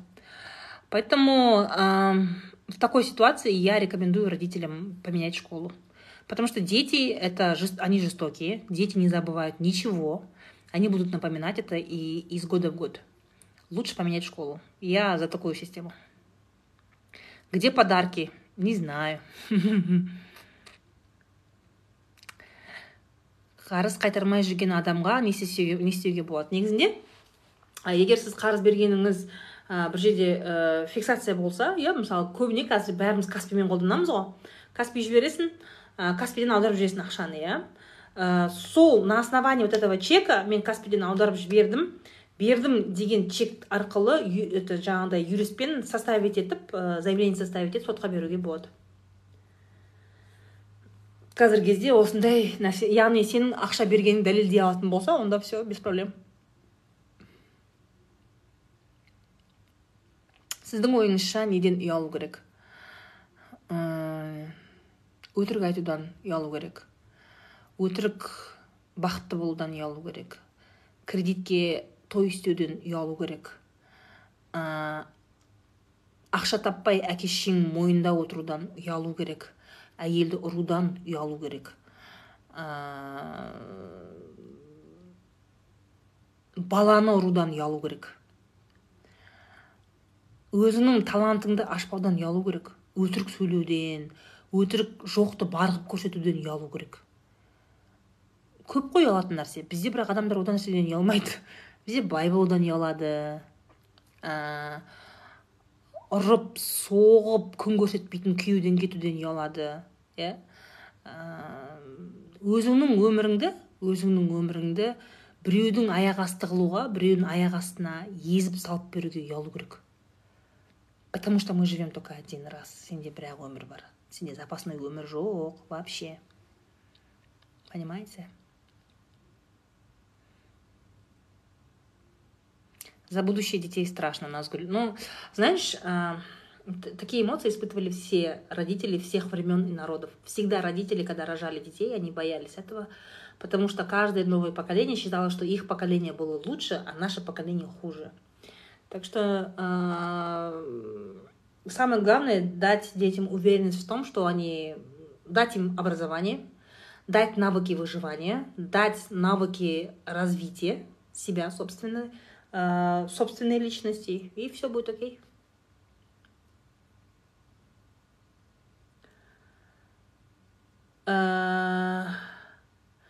Күйеуіме жұмыс істете алмай қойдым. Егер қыздар егер күйеуіңіздің жұмыс істегенін қаласаңыз онда изначально жұмыс істейтін жігітке күйеуге тию керек то есть ты не берешь безработного. Не надо брать безработного парня вот ты берешь безработного парня и выходишь за него замуж с надеждой что он будет работать. Не будет этого. Изначально безработный жігітке күйеуге тидің ба все значит ол өмір бақи жұмысқа жарымай өтетін еркек ол. Надо брать сразу работающего. Бұл бірінші мәселе. Екінші мәселе. Уже күйеуге тиіп қойғансың білмей қалдың басында. Он был всегда безработный сейчас безработный. Білмей қалдың. Енді қазір жұмыс істемейді. Единственная мотивация это выгнать его из дома. Қолыңа мусор пакет аласың да сөйтіп соған оның жумайтын киімдерін нәски түрсилерін саласың да көтінен бір теуіп қуып жібересің. Үйдің замогын ауыстырып тастайсың сөйтіп. Замок қымбат тұрмайды. Сөйтіп ә, сөйтесің де бар құры дейсің. Жұмыста істемейтін ақша таппайтын еркек ол не әке шешесінің үйіне не бауырларының не досының үйіне сыймайды. Оған амал жоқ жұмыс істеуге тура келеді. Просто көтіне бір тебесін. Другой мотивации нет. То есть күнде оған жақсы сөз айтып отағасы миллионерім бірдеңе деген это не работает. Почему? Потому что ол өзінің жұмыссыз екендігі. Мысалы жұмыс істемейтін еркекте проблема жоқ. Проблема жоқ қой ода ол жұмыс істемесе де әйел оған тамағын істеп береді. Кірін жуып береді. Төсегін салып береді. Ұйқыдан тұрған соң төсегін жинап береді ол еркекке. Телевизорын қосып қасына шай әкеліп береді. Түнде береді. У него бесплатный секс всегда есть. Она еще зарабатывает деньги оған бала туып береді. У него все есть. Зачем ему работать? Смысл? У него нету мотивации работать. Зачем все хорошо у него, у него проблем нету, у него все тепло и хорошо. Проблемы у тебя, дорогая моя. Это только у тебя такие проблемы. У него проблем нету. Он классно устроился. Он бәрі жақсы ода өмірінде бәрі жақсы бәрі күшті ол еркектің жұмыс істемейтін еркекте бәрі сен туған туыс келген кезде сен жасигің жұмыс істемесе сен айтасың жасик неғылды жұмысқа тұрмады деген кезде жасиктің алдына шығып сен айтасың ғой а ол заявка беріп қойған скоро шақырады оны собеседованияға ой күшті командаларға шақырып қойды ғой компанияларға. Жасик бізде молодец қой жасик. Таласып жатыр оған командалар компаниялар таласып жатыр. Өткенде бір ұсыныс жасады бірақ айлығы онша емес деп өзі бармады деп ше. Соның алдына жұмыс істемейтін байының алдына түсіп туысқандардың алдына оның жаңағы пиарын оның жаңағыдай жамандығын жасырып жақсылығын асырып жоқ нәрсесін бар қылып ойбай оған жұмыста жұмыс берушілер оған таласып жатыр ой бірақ қолы алтын ғой шіркін жасиктің деген сияқты. Алдына түсіп елдің алдында мақтайсың. Үйде бүкіл тамағын дайындайсың. Төсегі жылы. Че еще надо? Баланы туып беріп жатсың секс у него есть. Самое главное секс у него есть. Еда есть секс есть есть жить на что. Пособие анау мынаумен әйтеуір ұқсатып бала шағаңды өзің киіндіресің аренданы бәрін өзің төлейсің. Зачем ему работать скажите мне? Скажите мне. Ол еркектің орнында мен болсам мен де істемейтін едім. Жағдайым жақсы. Ғой зачем мне работать? Выгони выгони. Еркекті үйден қуып жіберу ғана күшті мотивация. Другого выхода нет. Выгоняешь из дома меняешь замки. Ә, чемоданға сама киімдерін мусорный пакетке саласың. Мусорный пакетке саласың потому что чемоданды бір жерге тастап кетеді ол қуып ішіп сатып ішіп тастайды ол керегі жоқ. Зачем надо? Мусорный пакетке саласың да көтіне бір тебесің. Если еркек жұмыс істемесе иә мысалы еркек жұмыс істемейді ғой значит ол үйге табыс әкелмейді. Значит сен оның табысы болмаса да балаға да қарап жатсың үйді де төлеп жатсың тамақты да тауып жатсың сенің шамаң келеді без него жить. Выгони его нахрен из дома. Зачем тебе ондай арам тамақ диванный водитель. Нахрен он тебе нужен? Выгони пусть. Сосын андай деп қорықпай ақ қойыңдар ше андай типа ертең мен оны қуып жібергеннен кейін басқа қатын тауып алады. Да господи он тебе нужен? Мужик который вместо того чтобы зарабатывать деньги для своей семьи идет ищет себе другую женщину. Сондай еркек саған керек па? Сен настолько өзіңді төмен сезінесің ба? Настолько ты такая сен настолько сондай ниже плинтусасың ба сондай?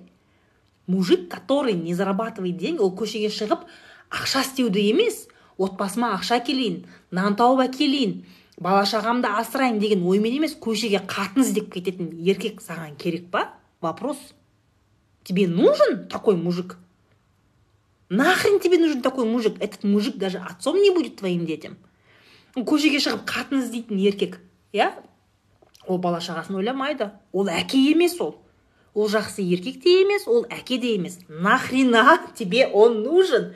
Выгони его. Зачем ты его бесплатно кормишь? Зачем? Зачем? По факту көздеріңді ашыңдаршы қыздар бүйтіп көздеріңді ашыңдаршы сен оның көтінен бір тепкеннен кейін барып ақша таппадың ма? Сол сабақта түсініп сол ә менікі дұрыс емес түсініп барып ақша таппады ма? Онда до свидания. Пошел нахрен. Пошел нахрен.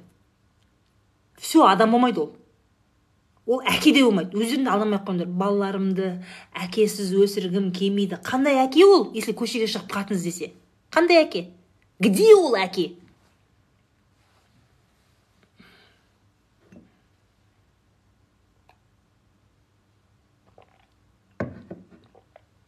Үй күйеудікі болса да қуып жіберу керек па? Қалай күйеудікі болады? Үй сенікі? Үй сенікі? Қалай ол күйеудікі болады это приобретенное в браке имущество, ты имеешь на нее такое же право, его выгоняешь, потому что, простите, иди зарабатывай, бала шағаң кім таба кім ақша әкеледі қалай үй онікі болады если ол ақша таппаса вопрос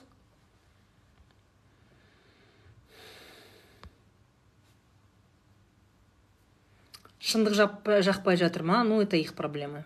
Біреуге жақпады екен деп енді как она есть айтпай отырмайсың ғой.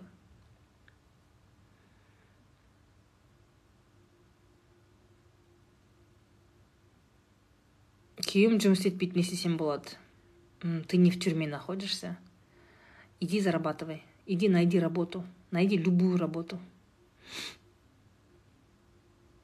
көбіне үй ата ананікі дейді көбіне үй ата ананікі болса онда прекрасно значит ол үй онікі де емес значит ол ата ананың үйі тогда тем более надо его выгнать мен сондықтан да айтамын да бөлек тұру керек бөлек тұру керек бөлек тұру керек өлсеңдер өліп кетіңдер бөлек тұру керек. Бөлек тұрмайтын отбасыда береке болмайды не врите себе. Вы себя обманываете. Әке шешемен тұрсаң қарттар ол қазына бірдеңе ол өтірік әңгіме. Қарт қазына болады егер ол реально сенің әке шешең жетпіс сексенге барған сондай сексенге барған сондай реально қария болса. Е алпыста деген ат қазіргі ата енелер алпыста жұлқынып тұр ғой. Жұлқынып тұр. Бүйтіп осы қария емес қой олар. Ой сондай өтірік әңгіме айтпаңдаршы пожалуйста. А то у вас вот это вот начинает тебя әке шешемізді қалай қартайған шағында қартайған жоқ қой сексенге барсын да бөлек тұрыңдар. Сексенге барсын сосын келесіңдер қасына. Әйтпесе спокойно они могут спокойно приготовить себе еду убраться дома. Понимаешь? Не надо друг друга эксплуатировать. Өздерің де бес конца туасыңдар бесеу алтау бірінен кейін бірін туасыңдар ол қараямай әбіржіп сосын шешелеріңді тегін нянька қылып қоясыңдар. Немесе жаңағы әке шешенің үйінде тұрасыңдар ана жаңағы қолымды аяқ қолымды жылы малып деген темада зачем? Шестьдесят лет они молодые. Они молодые. Они не должны жить с, с молодой семьей. Жап жас қой сексенге барған кезде қолдарына алсаңдар болады. А так зачем? Я не понимаю этого.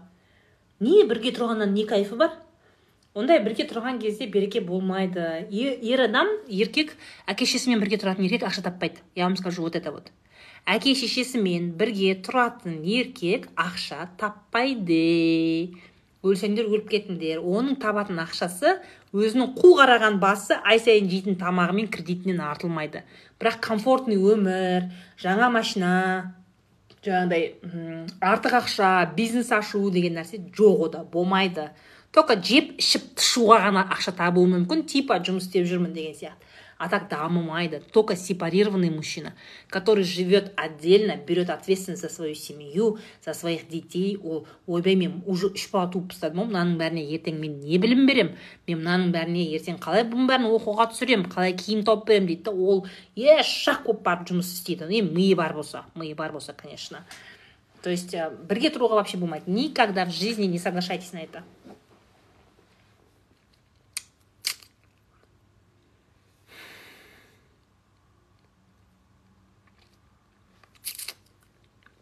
Жалпы ә, мынандай да? Это очень грустно когда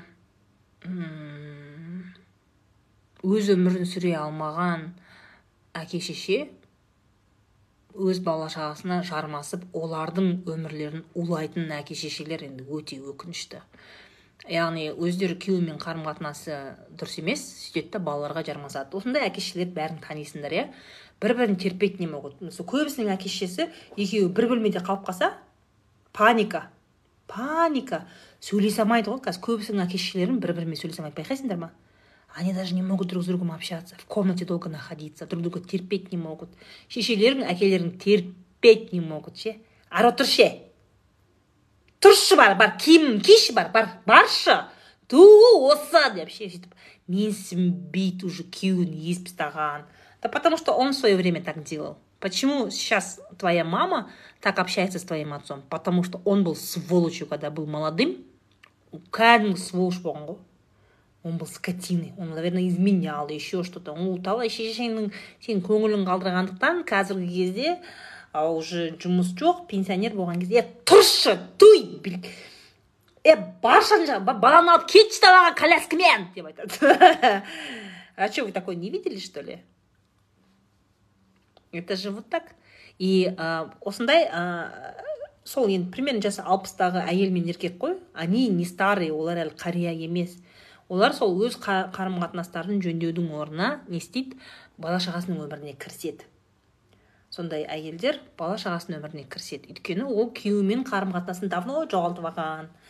Сосын балалар үшін балалары әкесіз болмасын деп өтірік сөйтіп қалып қалған әйелдер мысалға да в свое время стерпели измену в свое время муж ее обижал она это стерпела сөйтті де уже жасы алпысқа келген кезде она тупо его ненавидит просто просто ненавидит.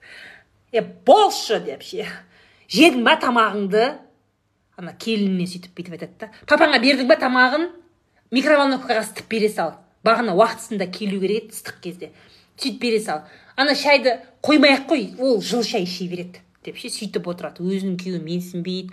Сосын келініне де сөйтіп айтады. Сөйте сал папаңа сол сосын балаларды берші далаға шығып келсін барып деп ше. Сөйтіп отырады да. И это же проблема. То есть э, родители они ә, не решают свои собственные проблемы. Ә, өзіне жағдай жасамаған әке шеше иә өздеріне жағдай жасаған жоқ та. Сол үшін олар балаларының мойнына асылып отыр. Балаларының мойнына асылып отыр солардың қарым қатынасына оларды ешқайда жібермейді оларды контрольда ұстайды да. Сондай мәселеде иә? Ерте ауырады қазір елу алпыста. Неге денсаулыққа қарамайсыңдар? Иә ертең сендер қандай боласыңдар? Мысалы мен жасымдағы замандастар жастарың осы отыз бес қырықта ауырмайтын жерлерің жоқ. Простатит бір бәле ожирение қарындар бөшкедей еркектеріңнің ше. Қырықтағы еркектердің көбісі қарындар бөшкедей беттері әжім әжім түрлері быт болып кеткен ғой еркектердің көбісі ше. И әйелдер де сол өздеріне қарамайды. Жастарың қырықта уже капец уже уже бітіп отырсыңдар да. Ертең алпысқа келген кезде конечно сен өзіңе қарай алмайсың. Өзіңе қарай алмайсың ыңырсып жылап отырасың сен мектептегі біліміңді жаңартпағансың сенде сен әлі өзіңнің денсаулығыңды күтетін сенде ақша жоқ. Осы уақытқа дейін қырыққа келіп әлі үй алған жоқсың. Сөйтесің да отырасың. Балам ертең мені асырайды деп. Қандай ата ана балам асырайды деп айтады который в свою жизни ничего не сделал. Өзінің өмірінде бір тиын таппаған бір тиын таппаған. Өзінің өмірінде ешқандай нәтижеге жетпеген ә, ата ана балам асырайды дейді сөйтіп отырады. Да не будьте такими неге сендер әлі кішкентай болған ағысы қатпаған балаларыңа масыл болып отырсыңдар?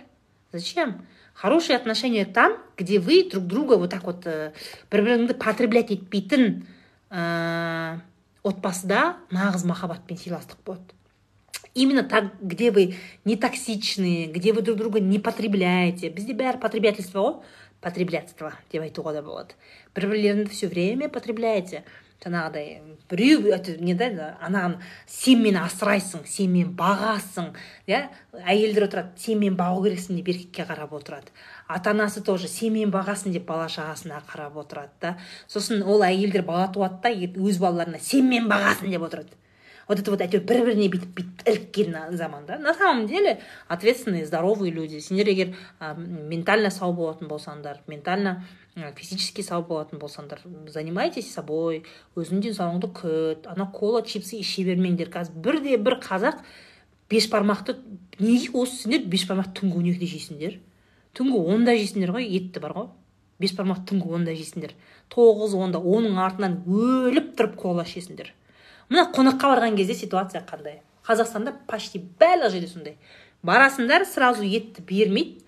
Ә, жаңағы салат бауырсақтан бастайсыңдар. Майонезный салат не майонезный салат әйтеуір. Бауырсақ балық қуырылған тауық бір бәле. Ана ассортидің бәрін жеп алдыңдар. Шай кетіп жатыр и так сүт шай бәрі шай кетті. Сосын шамалы уақыттан кейін уже в принципе қарның тоқ қой нет. Одан кейін ет келеді. Ет. Много мяса много теста. Оны өліп деп жеп аласың. Оны уже асқазан сыймай жатыр да ана асқазанды керу керек қой. Кетеді артынан кола кетеді. Коланы өліп ішесің түнгі он екі болды. Одан кейін қайтадан шай. Қайтадан шай ол шаймен бірге фрукты. Еще цитрусовый фрукты жейсің ана асқазанды бродить ететін ше. Фрукты оның артынан жейсің. Міне бітті асқазан былай керілді. И вы вот так вот питаетесь. Конечно сен алпысқа барған кезде сенде денсаулық қалмайды. Сөйтіп жейсің ғой тамақты бір аштан өліп бара жатқандай ше. В норме мысалы да в норме. Ә, бізде отбасыда сондай. Ә, біз менің үйімде де сондай менің әке шешемнің үйінде де сондай менің атам енемнің де үйінде сондай. Біз ә, біріншіден кешікпейміз. Шақырған уақытта алтыда дедім алтыда барамыз. Біріншіден екіншіден біз келген кезде қонаққа сразу тамақ береміз. Закуска анау мынау емес сразу тамақ береміз біз. Сразу тамақ желінсін. Иә бешбармақ болатын болса кәдімгі еті бәрі желінсін. Одан кейін шай неғылған кезде ары қарай өзінің асқазанына қарай өзі енді өзі жауапты да. Мы всегда так делаем. И никогда не опаздываем. Алты деді ма алты. А то я знаю бізде қазақта мен талай осындай отырысқа неге барасың ғой? Алтыда дей ма мен? Алтыда барам. Жоқ қонақтар сегізде келеді ғой. Отырасың екі сағат бар ғой. Ойнайды сондай бар ғой ше. Бәрі сегізде келеді. Алты деді ма мен алтыда барамын. Нет опаздывают восемь содан кейін пока жеп боламын дегенше түнгі он екі бір. Түнгі бірде уже ә, тортпен медовикпен красный бархатпен сүт шай ішіп отырасыңдар түнгі бірде. Оның астында не нәрсе кетпеді. Поэтому ә, у всех работа надо отпрашиваться. Или бармайсың ба бармаймын деп айт. Менде де жұмыс бар мен де ерігіп жүрген жоқпын. Бірақ мені шақырды ма мен барам деп айтты ма мен алтыда барамын у всех работа это безответственность. Андай шығарсың менің жұмысым бар онда кеме уақытылы келмейсің ба кеме а так жұмыста можно отпроситься запланировать. Міне суббота күні мен қонаққа пятница күні мені қонаққа шақырды сұран жұмысыңнан отработай сол сұранған екі сағатыңды ертерек келіп жұмысыңды отработай вот это міндетсіңдер ғой сендер қонаққа шақырса да міндет сол пятница күні обедтің несіне шықпа да? Обед демалысқа шықпа сағат тоғызда емес сегізде кел да екі сағат ерте кеткеніңнің есебін бастығыңмен келіс мен сол екі сағатта обедке шықпай сағат сегізде келіп істесем мына уақытта кетсем ба десең бастығың саған иә дейді. Вообще не переживай. Я отработаю свои восемь часов. Можно я вот так вот десең сені жібереді.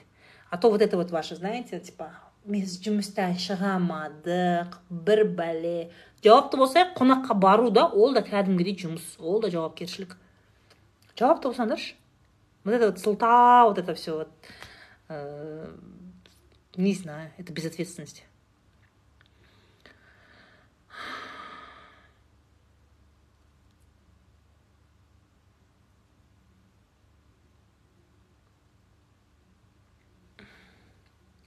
күйеуім кредит займ ала береді. Играны қалай қойдырамын игромандардан я вам советую уйти. Разводитесь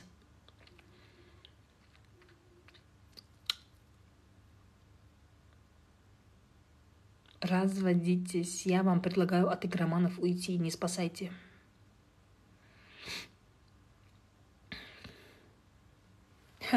жігітім анасын әкесі жоқ үйленсек бірге тұрамыз анам современная дейді какая разница? Старомодная современная. Без разницы. Бөлек тұру керек если оның мамасы қарым қатынас құрмаса иә өзі осы жаста. Жалғыз бол егер жалғыз болғысы келмесе жігіттің анасы жалғыз болғысы келмесе иди построй отношения выйди замуж иди. Найди отношения барса кетсей тірлігін істесей. Жоқ балам мен жалғыздықтан қорқам. Иди построй отношения. Найди свою любовь. Зачем? Зачем лезть к молодежи? Бөлек тұру керек. Қанша жерден современный қанша жерден мудрая добрая болса да бірге тұруға болмайды сыйың кетеді. Сыйың кетеді. Вот қанша да вот так бывало да вот өздерің де білесіңдер. Бір адаммен жақсы араласып жүресің жақын боласың бірақ сол адаммен сен сапарға шықшы отельде бір нөмірде тұршы немесе пойызда пойызда бір купеде тұршы қалай болады екен?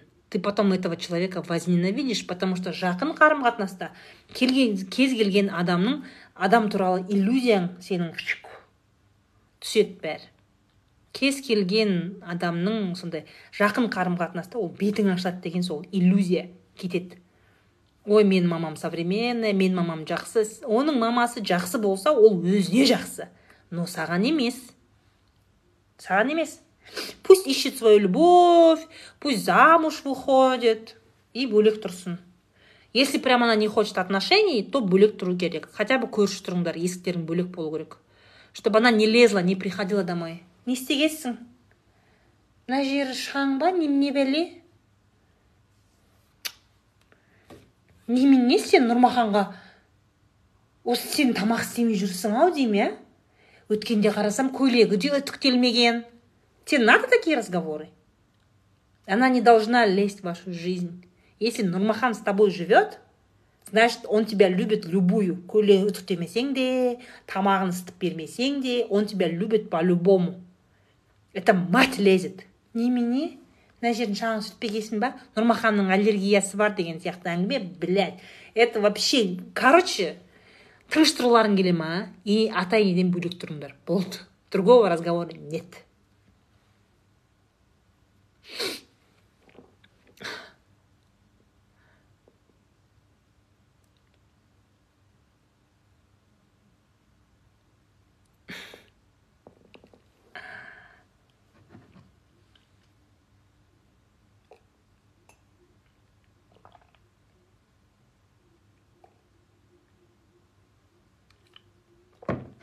Послеродовой депрессия туралы не айтасыз дейді послеродовой депрессияны психотерапевттер емдейді они этим занимаются.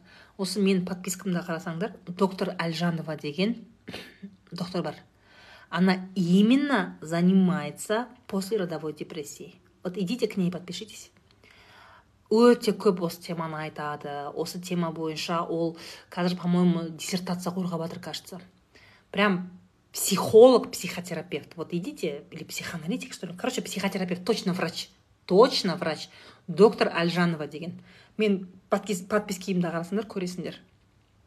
А, идите, а, смотрите у специалистов. А, послеродовая депрессия – это очень серьезная проблема. Бізде послеродовой депрессияны ә, мойындағысы келмейді. Послеродовой депрессияның бар екенін мойындағысы келмейді. Оны ол туралы сөйлескісі келмейді. Оған даже не только еркектер әйелдер бір біріне айтады осы сенікі тәлпіштік хиркиннің әңгімесі ой тудық қой осы алтауын ешқандай. Депрессия мепрессия демей ырбақайлық сені күйеуің тәлпіштендіріп жіберген ғой. Еркетайсың ғой сен үйіңде сөйтіп тәрбиелеген ғой сен өліп қалмадық қой осы деп бізде әйелдер өздері басқа осындай депрессияға ұшыраған әйелдерді құнсыздандырады. Ә, оларға жалпы депрессияға түскен послеродовой депрессияға түскен әйелді ә, түсінетін адамдар өте аз. Әке шешесі де түсінбейді туған туыс та түсінбейді. Ә, этот күйеуі де түсінбейді күйеуі де түсінбейді сондықтан да список скрыт дейсің ба доктор әлжанова деп іздеңдерші. Др әлжанова др әлжанова деп іздесеңдер көресіңдер. Вот и ә, ешкім түсінбейді. Сондықтан да өзі депрессиядағы әйел ол қатты қиналады. На самом деле депрессия өте серьезное заболевание. У них даже бывает такое мысалы мына баланы бүйтіп ұстап тұрады ғой. У них желание вот взять с этим ребенком прыгнуть в балкон. Мысалы неге байқасаңдар роддомдардың барлығында решетка бар? Байқайсыңдар ма? Роддомның бәрінде решетка бар. Потому что ә, вот это вот ә, послеродовой депрессияға ұшырайтын әйел ол бірден ұшырайды. Егер ұшырайтын болса уже роддомда ұшырайды. Ә, бывали такие случаи когда женщина выпрыгивала с окна. Поэтому роддомда барлық жерде роддомдардың бәрінде решетка болады, да. То есть врачи об этом знают, но почему-то об этом молчат. Вообще весь мир об этом знает. Балалы болу оңай емес. Бізге ә, жалпы әйелдерге бүйтіп айтады. Ой, бала деген жақсы ғой. Бала деген бақыт қой. Бала тусаң, жасарасың, қаның ауысады. Бала деген ол сенің бар бақытың бала деп ше әйелге жалпы ә, бала туудың агитациясын өте қатты жасайды. Мемлекет те соны жасайды. Сондықтан да бізде жаңағыдай бес балаға мынанша алты балаға мынанша иә яғни определенный мотивация береді да чтобы вы много рожали. Но материнство это очень сложный процесс. Сондықтан да как я говорю ә, роддомда не үшін решетка тұрады. Бұны бүкіл врачтар біледі бірақ айтпайды. Роды это очень тяжело физиологически и особенно тяжело психологически. Реально это терезеден секіріп кететін әйелдер өзіне қол жұмсайтын әйелдер. Ол жынданғаннан емес ол ішіне жын кіргеннен емес. Просто психика ол ми ондайды иногда түсінбей қалады да кейбір әйелдердің сондай түсінбейді вот кеше бала болған жоқ қой. Иә и бүгін почему то сенің ішіңнен адам шығады да и ол еще саған зависим сен оны емізу у тебя все тело болит вот это все очень сильно тяжело для женщины. Қатты қиын ол мысалы спокойно осы процессті ә, басынан өткізе алатын әйелдер бар да но очень много женщин которые не могут это вот перенести. Сол ауыртпалықты сол психологиялық менталды ауыртпалықты көтере алатын әйелдер негізінде аз өте аз. В основном көтере алмайды. Сондықтан да негізі послеродовой депрессияға ұшыраған әйелдер өте көп. Просто сендер оны байқамайсыңдар шаршады деп ойлайсыңдар ондай әйелдерді ше настроениесі жоқ деп ойлайсыңдар. Немесе ну да в основном шаршады настроение жоқ бала көп ұйықтамайды. Сол үшін ол шаршап жүр ұйқысы қанбаған деп ойлайсыңдар. На самом деле она может быть в глубокой депрессии. Она не может общаться нормально с мужем. Она не может объяснить родным что с ней что то не так. Айта алмайды. Потому что на нее очень много обязанностей. Бала қарау керек ол түнімен ұйықтамайды еще ұйқы тыныш емес еще надо этот родственников обслуживать. Анау бірдеңе қонақ бірдеңемен әйелге депрессиядағы әйелге оның даже депрессияда екенін көбісі байқамайды да. А она плачет ночами. Она не понимает почему она плачет. Баласын қолына ұстап алады да жылайды бір точкаға қарап ше. Истерикасы ұстап. Немесе жаңағыдай баланы тастап өзі терезеден секіргісі келеді. Таких женщин много, поймите вы. Материнство это очень сложно. Очень сложно. Надо говорить, если плохо. И, собственно, ол послеродовой депрессия, оно длится очень долго. Если ол әйел өз өзін өлтіріп қоймаса, ол длится очень долго. Раздражительность, агрессия, непонятные истерики. Соответственно, ол уже коммуникацияға дұрыс бара алмағандықтан еркек ойлайды менің әйел мен әйелден жалықтым бірдеңе менің көңілімді аулайтын әйел керек анау мынау дейді да не істейді ол қатын қуалайды. Ол қатын қуалайды он думает что мысалы бүйтіп айтады ғой қыз кезінде бары жақсы бәрі жақсы жаман қатын қайдан шығады? Жаман қатын деген болмайды она просто в депрессии. Она очень устала понимаете? Она очень устала. У нее депрессия глубокая после она не может выйти ол уже әлемге реально қарай алмайды. Плюс еще бүкіл быт ішінен шыға алмайды. А бізде еркектер ойлайды типа вот ол қыз кезінде жақсы еді осы че то сен өзгеріп кеттің сен менімен дұрыстап сөйлеспейсің сен менің көңілімді ауламайсың а с хрена ли она в депрессии? Вот так все происходит понимаете? А сендер оны ойлайсыңдар ондай нәрсе послеродовой депрессия жоқ деп айтады бізде қоғамда. Қыздар планируйте свою беременность планируйте. Но смотрите даже запланированная беременность да даже успешный жұмыс істейтін әйелдерде де сондай нәрсе болуы мүмкін поэтому психотерапия врачи өз өздеріңді күтіңдер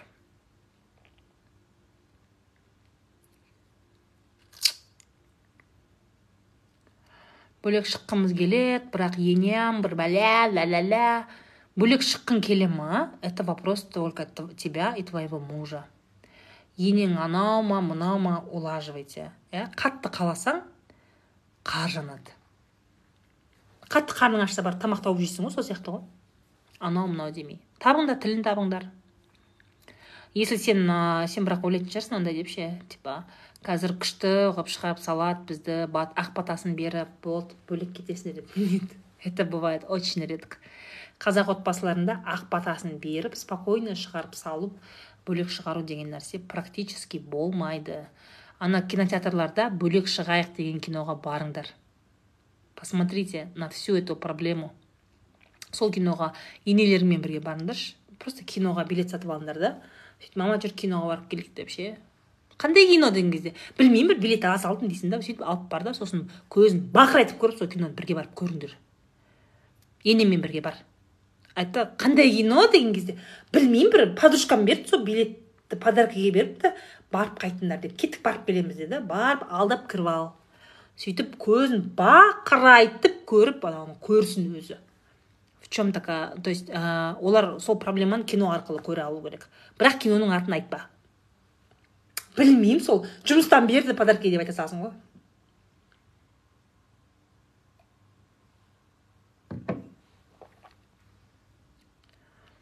Енді дух жетпесе дух жетпейді деп жүре беріңдер онда. Не қыл дейсіңдер маған? Такие странные. Дух жетпейді та та та саған керек қой өмірің чего постоянно жалуетесь?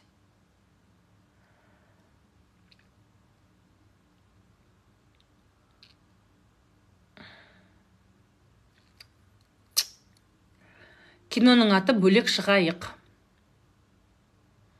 Если жігіт бүгін жоқ ертең звонит как узнать құртшы көзін аяулым. Нахрен пошли его.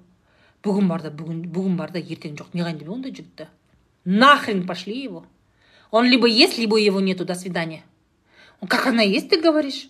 Аяулым ты так и говоришь. Слушай мен сенің анау мынау качеляңмен секіріп жүретін мен уақытым жоқ. Мен жұмыс істейтін адаммын адам боласың ба? Нормально. Бар болсаң бар бол жоқ болсаң жоқ болшы. Мен уақытымды алмашы деп айтасың болды. Че там это не не түсінбеймін ондайды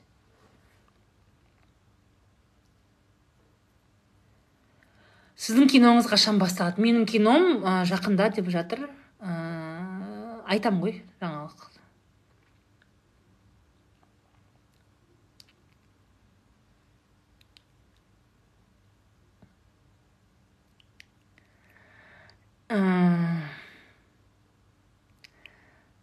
Жігітті қарату үшін не істеу керек? Таныс сөйлес. Просто поговори.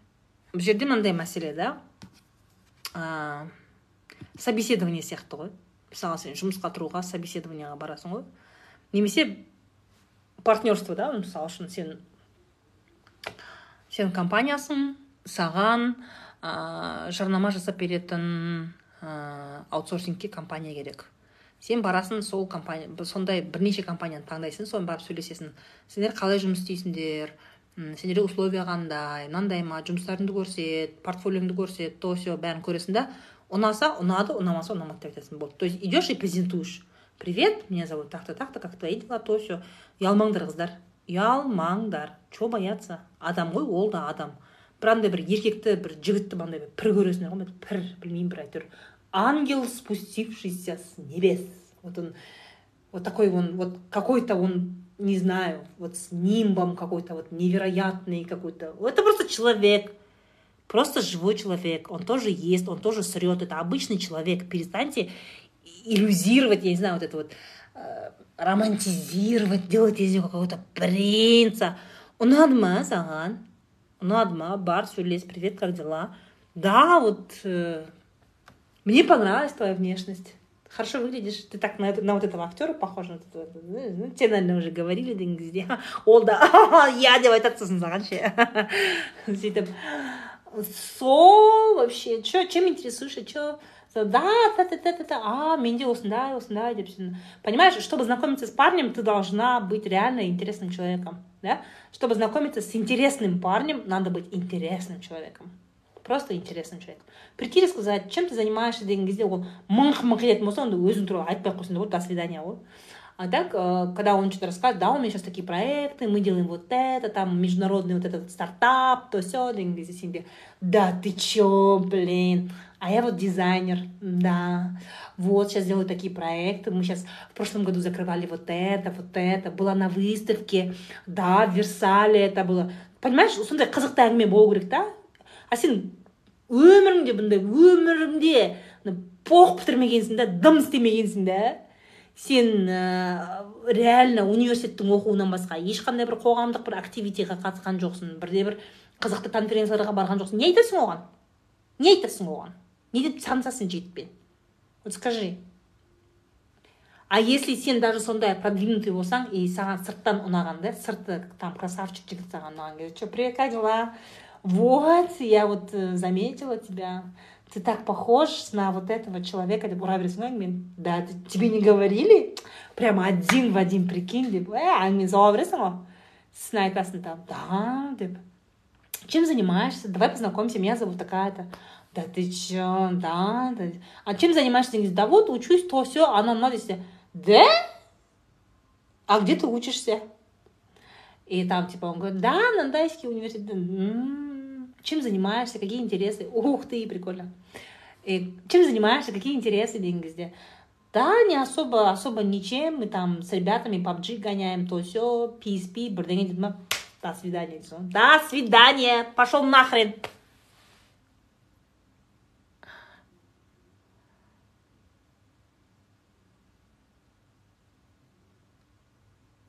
Спасибо. Такие туфельки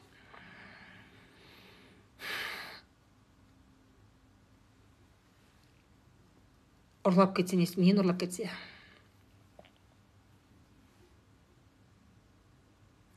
Қарамаймын десе ренжиді. Жұмысқа тұрбасай. Сол кезде қарамайсың да тең балаларым. Спасибо.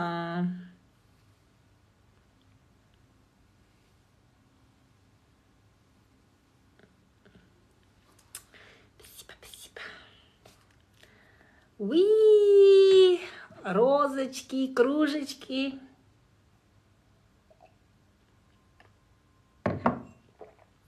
Жақсы жігітті қайдан табамыз? Повторяю каждый раз повторяю каждый раз вам все мало то ли вы не слышите.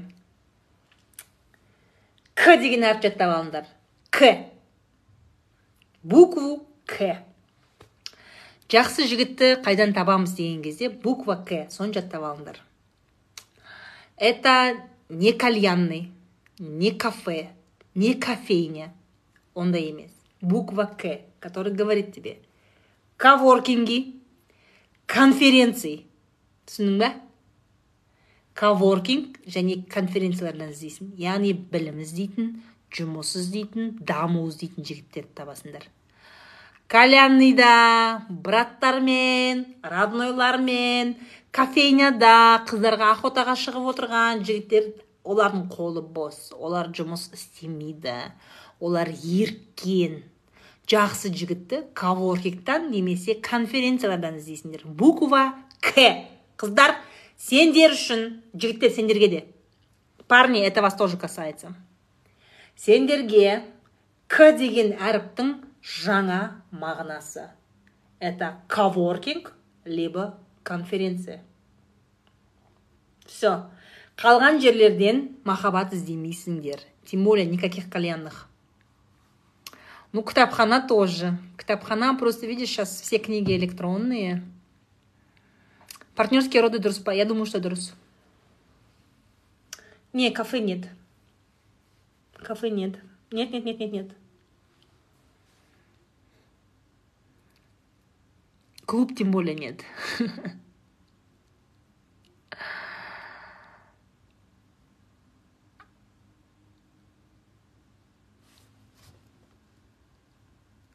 саламатсыз ба жігітім бар жақсы үйленеміз деп жүрген. Бірақ на расстояниеміз ұнамайды маған дейді. Э, я не верю в отношения на расстоянии. Не верю. Это не это иллюзорные отношения это неправда. Қызым сізді тыңдап ажырасып жатыр дейді ответственность не на мне ответственность на ней. Шешімді ол қабылдап жатыр она может ә, в любом случае ары қарай күйеуімен өмір сүру немесе өмір сүрмеу это ее ответственность не моя.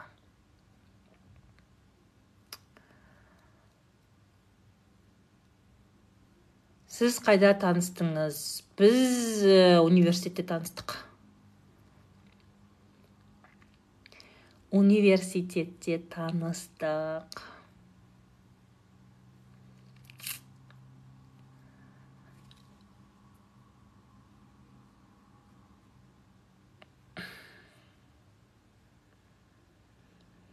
біткеніңіз бар ма дейді кірген бар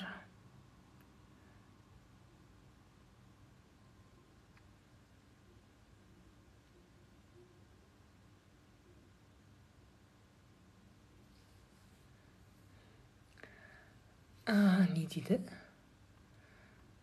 четыре года встречаемся, только осознал, что хочет окончательно быть со мной. До этого часто ссорились. Слушай, мынандай мәселе. Сен жігітпен жүріп жүрген кезде қарым қатынасың қандай болса үйленген кезде үйленгеннен кейін отбасылық өмірде тура сол қарым қатынас қалады. То есть каким то волшебным образом отношение не поменяется. Если пока вы четыре года встречались вы постоянно ругались то это останется.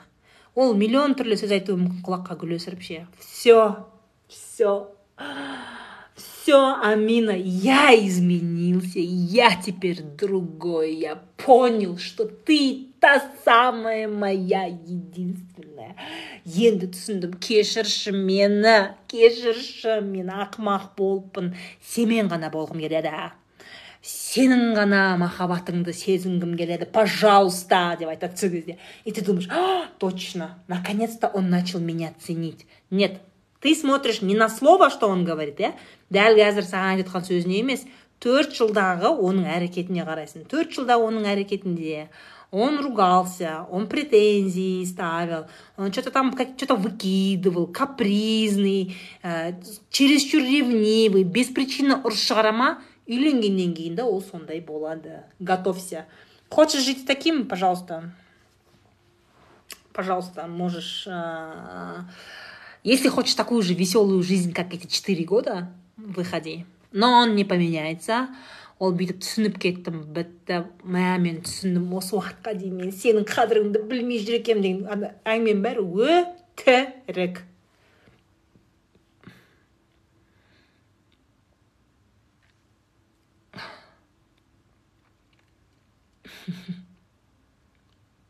Спасибо, спасибо, спасибо. Столько цветочков, спасибо.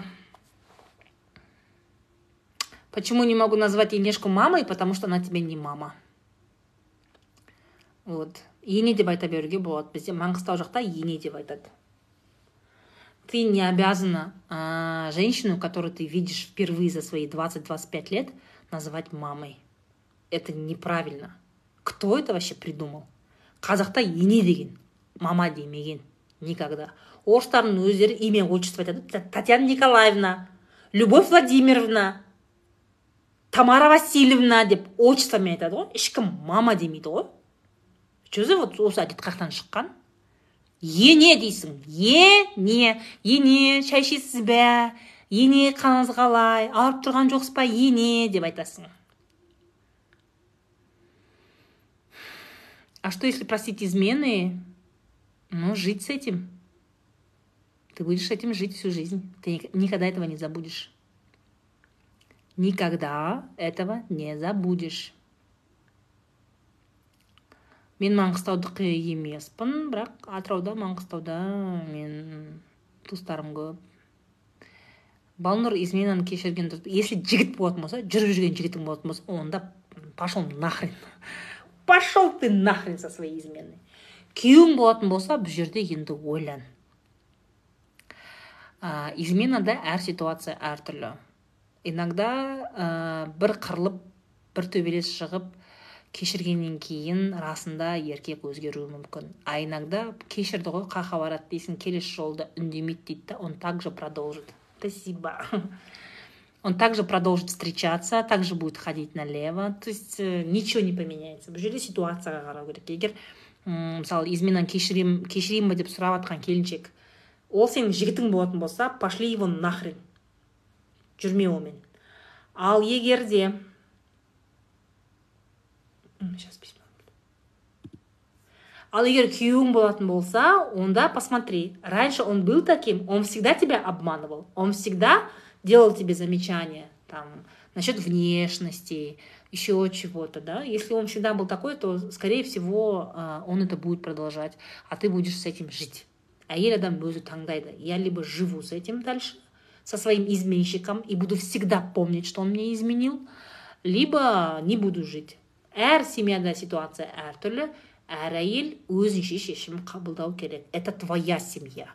Ешкім сырттан келетін ешкім саған ондай нәрсені саған ә, совет бере алмайды өзің шешімге келу керексің. Ну конечно все родственники все взрослые будут говорить шыда шыда сағыныш шыда енді шыда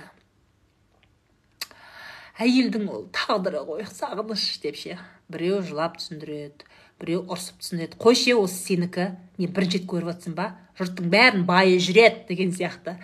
Әртүрлі әңгіме айтады. Решай сама решай сама но ты этого не забудешь бізде әйелдерде мындай иллюзия бар да мен егер изменаны кешірсем мен оны ұмытамын ба сен оны ұмытпайсың ты не забудешь это никогда ты будешь об этом помнить всегда всегда Каждый раз.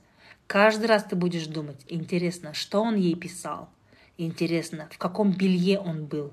Интересно, что она носила. Интересно, что они делали в постели, как он ее обнимал, как она его обнимала, как он целовал. Ты будешь все это помнить. оған қандай сөздер айтты. Құлағына не сыбырлады.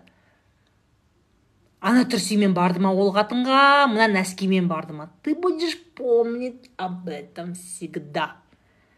Қыздар осыны біліңдер. Еркектің изменасын кешірген кезде осындай больмен өмір сүретініңді біл. Я вас обманывать не собираюсь. Я никого не кормлю иллюзиями. Типа уақыт өтеді сағыныш время все лечит.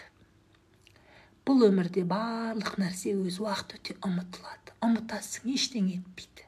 Не істейсің енді. Еркектің бәрі сондай деген. Әңгіме мен айтпаймын. Женщина что что? Ол басында. Ол альцгеймер болса да ол еркектің измена жасағанын никогда ұмытпайды. Она может забыть имя своих детей, она может забыть, где у нее деньги хранятся, но она никогда не забудет, что муж ей изменил. Это будет всегда больно.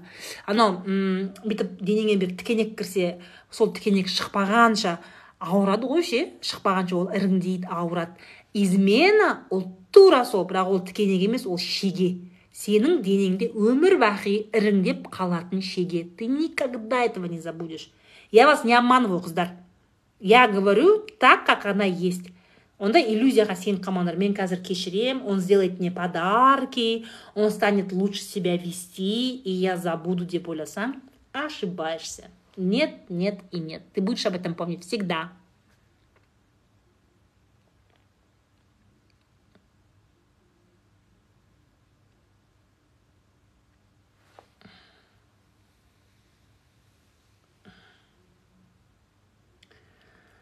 Ой, вот это вот, знаете.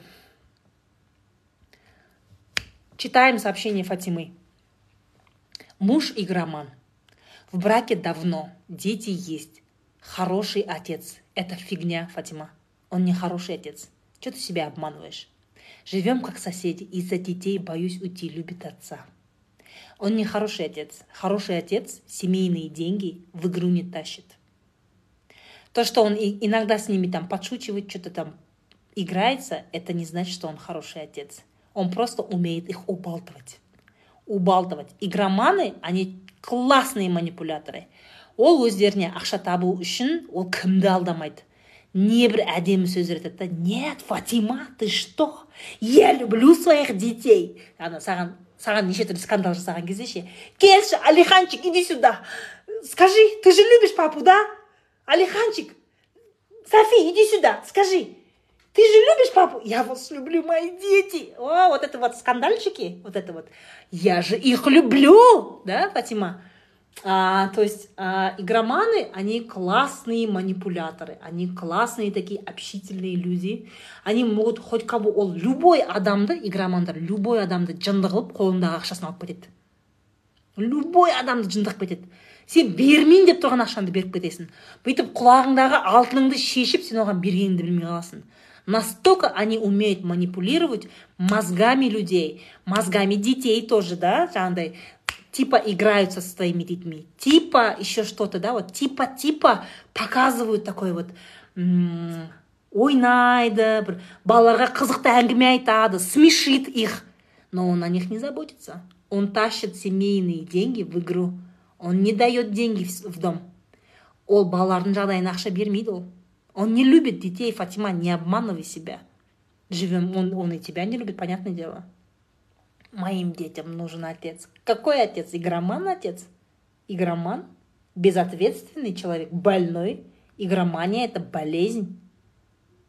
О каком отцовстве речь идет қатындар может уже хватит вот это вы знаете играть это притворяться делать вид что все нормально нифига он не отец твоим детям он просто бездельник безответственный хватит уже прикрывать больного мужика лечить его надо көтін жауып шешесі сен бауырларың бәрін көтін жауып соның қарыздарын төлеп бересіңдер ғой нахрена вы это делаете еще не хочешь с ним разводиться У тебя даже отношений с ним нету. Че ты боишься? Ақша таппайтын қарыздағы еркекпен тұрған кезде аштан өліп қалған жоқсыңдар че ты боишься? Поэтому блядь фатима нервыма тимешь пожалуйста.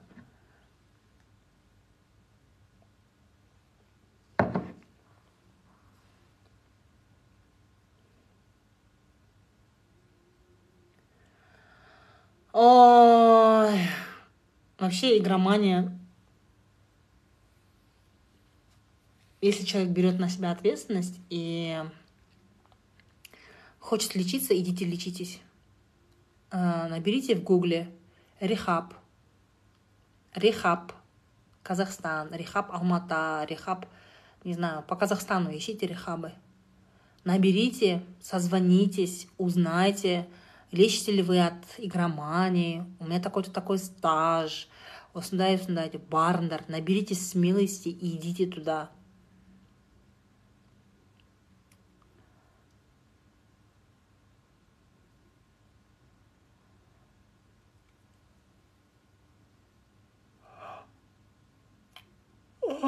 спать хочу. У меня здесь в санатории прекрасный график. тоғыз жарымда ұйықтаймын уже вот тоғыз жарым болды қазір ұйықтаймын азанда бес алтыда тұрамын серуендеймін кітап оқимын потом иду завтракать потом иду на процедуры потом процедураның ортасында тағы ұйықтап аламын потом кейін тағы процедуры потом чуть чуть работаю потом прогулка, потом, возможно, какие-то встречи. Вот я сейчас вышла немножко посидеть. Немножко, вон, по-моему, два часа точно сижу. Потом иду спать. Прекрасный график просто. лгбтға қалай қарайсыз абсолютно нейтрально абсолютно нейтрально факт то что представители лгбт квир сообщества они есть. Олар бар олар болған олар болады да. Ә, басқа адамның қалай өмір сүруі ә, кіммен жатуы мен үшін маңызды емес. Поэтому абсолютно нейтрально. Это обычные люди. Просто у них определенный они у них есть просто такое вот свое позиционирование өздері біледі әркім өзі біледі что к другим в постель вообще что за привычка лезть другим в постель кто с кем должен спать вам какая разница какая разница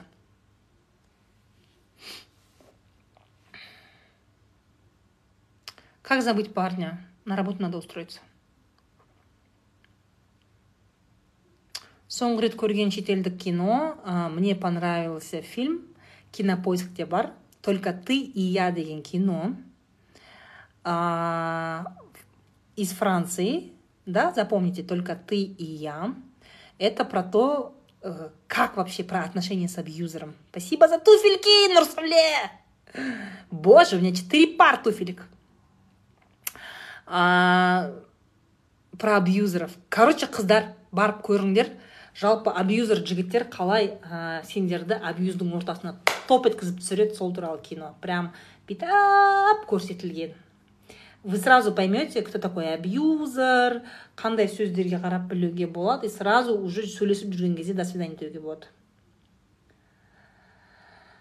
А, так какие еще фильмы? Қазір кинотеатрда болып жатқан бөлек шығайыққа барыңдар я сходила мне очень понравилось очень понравилось. Прям қазақстанда осындай кинолар болу керек. Идите посмотрите. Ә, баян есентаеваның бақыт киносын көріңдер. Про бытовое домашнее насилие. Вот. Что еще все пока что все ойыма келген сол. А нетфликста уборщица деген сериалды көреміз мейд а, это про то как а, в этот в семье с абьюзером иә абьюзермен ә, отбасында тұрған кездегі қиындықтар туралы қалай кетуге болады неге әйелдер кете алмайды таяқ жесе де ә, бай игроман болса да алқаш болса да наркоман болса да неге кете алмайды? Ә, сол кинода күшті сол сериалда өте қатты талқыланады. Көрсетіледі мықты көрсетіледі. Ә, да запомнили? Сериал уборщица французский фильм только ты и я қазақстандық екі кино бақыт баян мақсатқызының и бөлек шығайық қазір кинотеатрларда болып жатыр вот эти четыре рекомендую.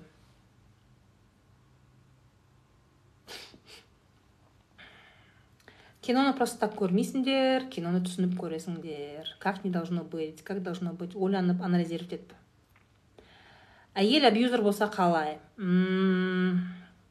Я если честно я вам скажу вот что. Бізде қоғамда теңсіздік. Айттым иә теңсіздік. Яғни бізде қоғамда еркектер еркектер өздерін жоғары сезінеді жоғарымыз деп ойлайды. Әйелді обслуживающий персонал қылып көреді. Әйел ғасырлар бойы осымен күресіп келе жатыр иә біз теңбіз бізде мүмкіндік бірдей. Біздің де жұмыс істеуге таңдауға құқығымыз бар. Жатыр біздікі біз өзіміз білеміз туамыз ба тумаймыз ба. Это наше тело наше дело деген сияқты нәрсеге әйел ә, сондай мәселемен өте қатты күресіп келеді ғасырлар бойы. Если әйел абьюзер болып еркекті еркекті қанап жатса я если честно в этом ничего плохого не вижу. Мне кажется это больше выражение защиты самозащиты. Әйел абьюзға барады чтобы защищаться потому что біздер қоғамда өзімізді қорғансыз сезінеміз. Қыздар неге өте көп хиджаб киеді? Иә оранып жабғысы жабынып жүргісі келеді. Өйткені еркектер көзімен тесіп қарайды. Ойбай орамал бар екен деп те қарамайды ғой қазір. Хиджабтағы қызға тиісетіндер бар. Хиджабтағы қызға тиісетіндер бар. Неге бізде қыздар хиджаб киген кезде өзін қорғанып сезінеді? Потому что она закрывает свое тело и она не хочет чтобы ее идентифицировали как объект как сексуальный объект. Она поэтому носит хиджаб. Понимаешь? Но бізде блядь даже хиджаб киетіндерге бүйтіп өліп қарайды ғой.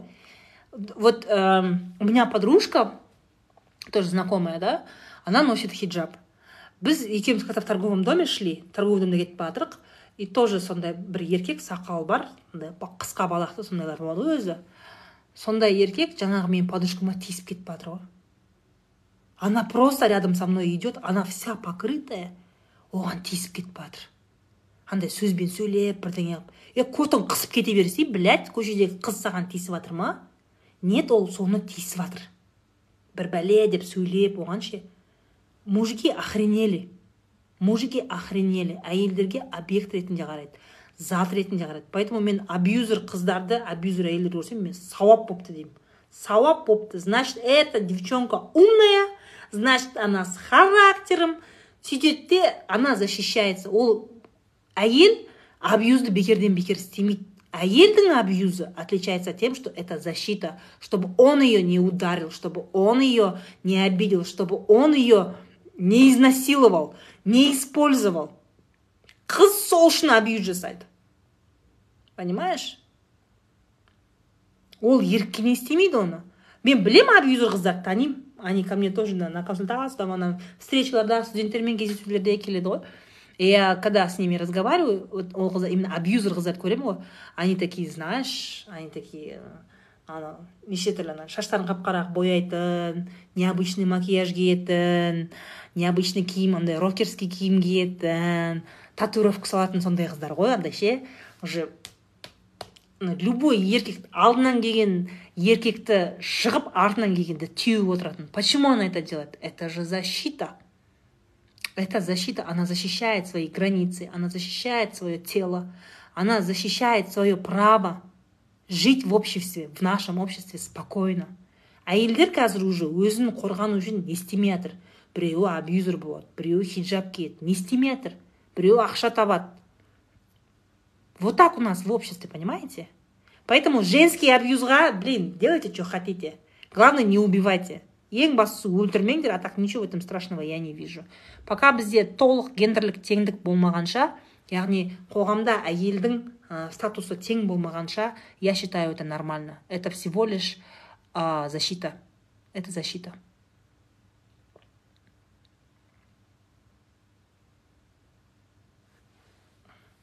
Менен жігіттер қорқады. Дай. Пошли нахрен. Зачем тебе трусы нужны? Қорықпайтын жігітпен жүр.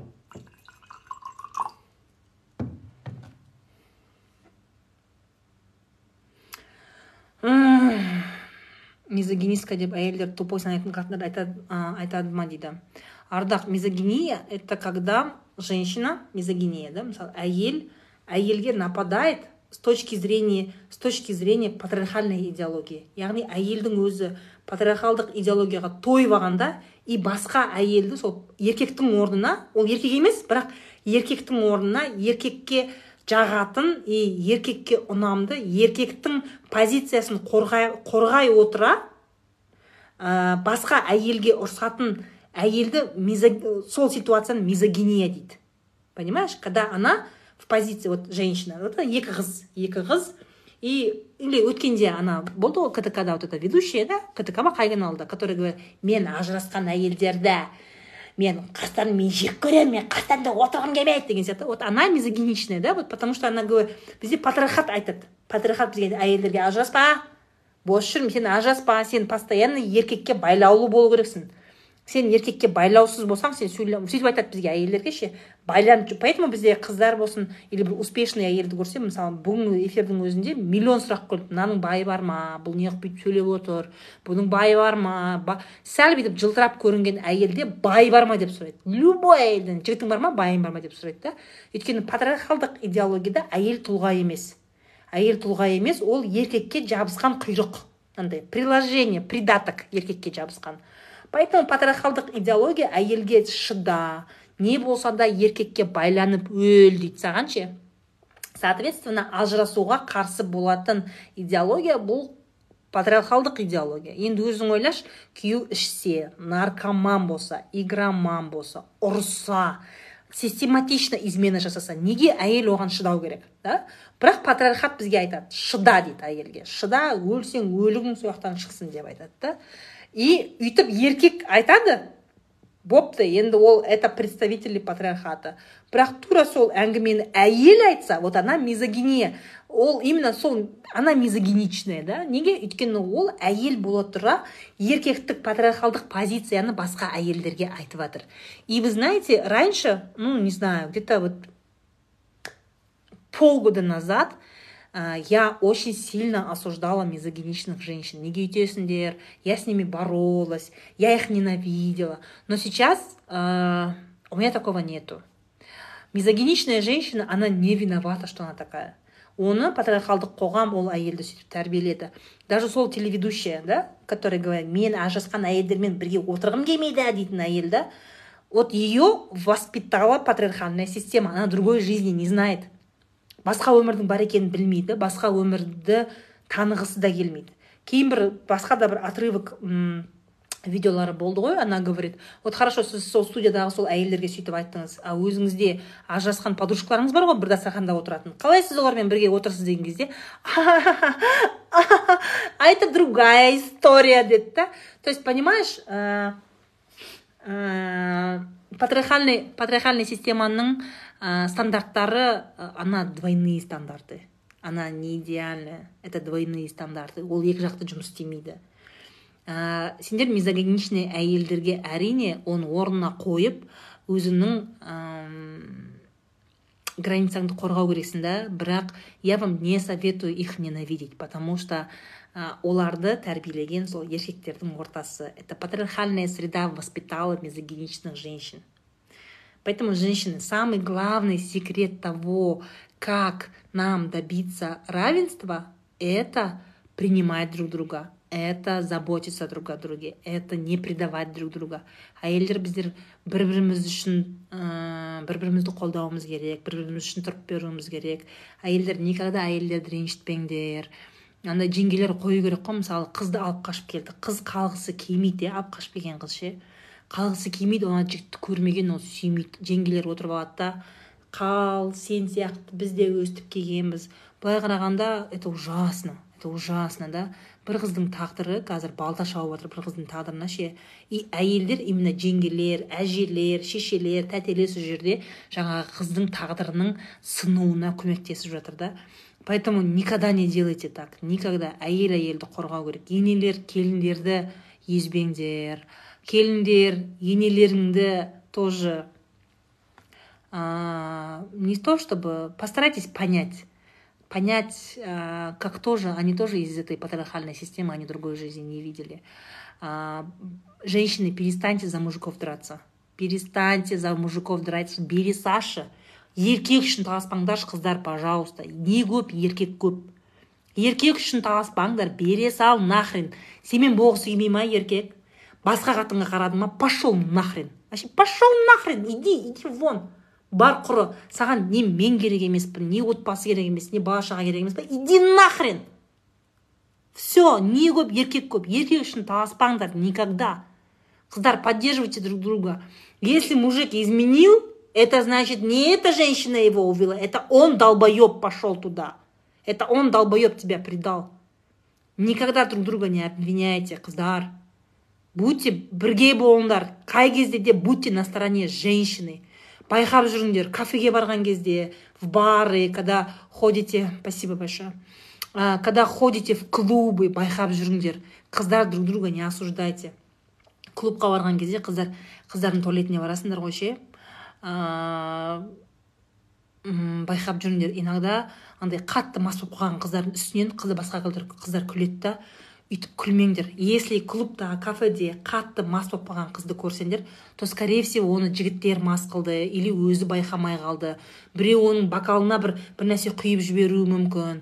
Сондай қызды көріп қалсаңдар сөйлесіп таксиге мінгізіп үйіне мінгізіп жіберіңдер андай жігіттермен қалдырып кетпеңдер күлмеңдер үстінен.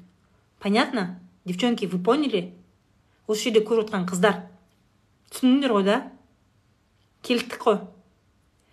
Кафеде ресторанда клубтарда сондай мас болып қалған қызды көрдіңдер ма? Сөйлесіп телефон қалтасына салып суретке түрін түсіріп таксидің нөмірін түсіріп нормальный яндекс таксиді шақырып сөйтіп үйіне жіберіңдер ол қызды. Қалып кетпесін не осуждайте друг друга не ненавидьте. Уже вы должны поменять свое мышление да? Бізде әйелді әйелге соғыстыратын еркектер. Еркектер соғыстырады бізде әйелді әйелге әйелге әйелге қарсы қоятын еркектер. Сондықтан да олар жаңағыдай екі әйел алғысы келеді да. Он вместо того чтобы идти свои отношения разруливать со своей женой он говорит мен екінші қатын то есть ә, әйеліне қарым қатынасты әйелмен қарым қатынасты жөндей алмайды да и оған айтады да сен мен айтқандай болмадың ба? Онда мен екінші қатын аламын дейді. Сөйтеді да екі әйелді бір еркек бір біріне жек көрініш тығып қояды. Никогда бірнеше әйел никогда они никогда не будут сестрами они никогда не будут. Ол миф. Андай біз ә, жаңағы күйеуімнің екінші әйелі екенбіз біз сондай бір подружкамыз апалы сіңлілі сияқты кому вы рассказываете? Неправда это все вы ненавидите друг друга такого не бывает. Әйелдердің ортасындағы жаугершілікті жасаған еркектер они заставили женщин бороться за них молиться за них. Не знаю сол еркек үшін таластыруды это еркектер придумали. Девочки не ведитесь на это. Вообще на это не ведитесь. Вы что еркек үшін таласпаңдар? Понятно? Не будьте всегда на стороне женщин. Всегда. Келістік қой.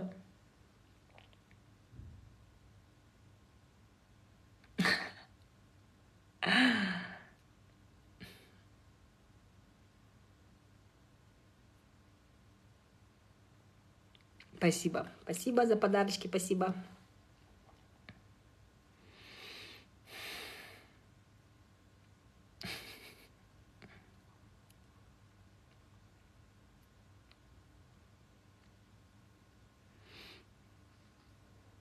отношения подростковые где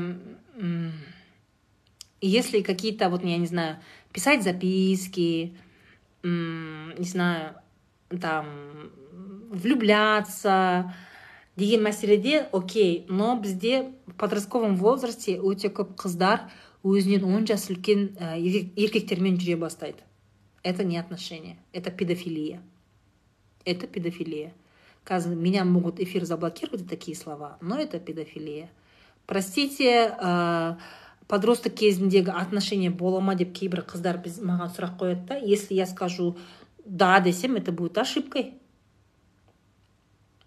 Подросток кездегі қыз бала өзімен жасты өзімен қатарлас ұл баламен сөйлесуі мүмкін бір біріне записка смс жазып. Вот это может быть только со своим ровесником да? Как а, как формат социализации иә? Социализацияның бір несі ретінде бір қоғамтанудың бір бір ә, саласы ретінде как то вот так да? Но подросток қыз өзінен үлкен кәмелет жасынан асып кеткен еркекпен жүре алмайды. Нет. Это называется педофилия. Ты не можешь встречаться с парнем если сен подросток болсаң с парнем который намного старше тебя.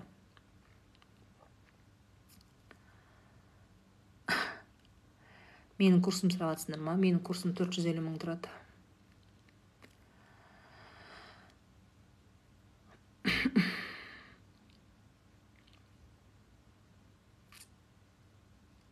подруга мені абьюзер дейді не істесем болады ну ты свой абьюз подружке не показывай ты это показывай другим парню например или мужу төрт жүз елу мың не стоит ну ты же не брал азиз у тебя же денег нет таких какой то азиз не купил он даже не знает и он говорит сенің курсың төрт жүз елу мың тұрмайды сенікі тұрмайды азиз сенікі тұрмайды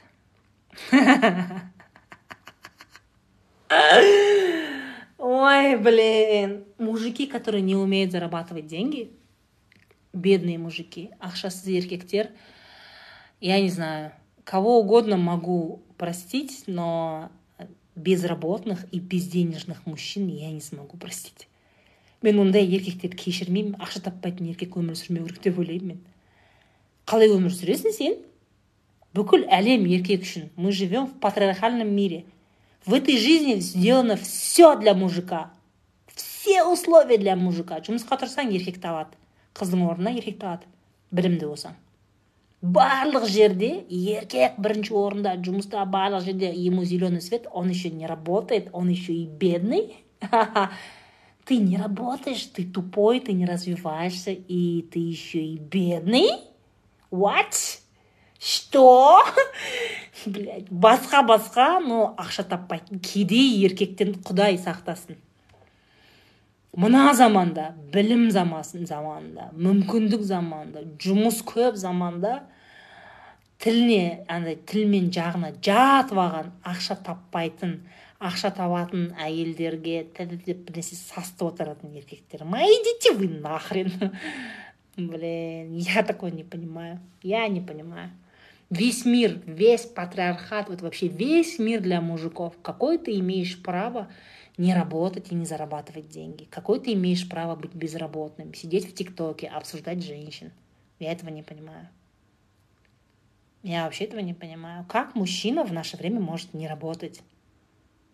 бүкіл әлем еркек үшін ғой бүкіл условия еркек үшін это непростительно это непростительно. Мужик не имеет права не работать.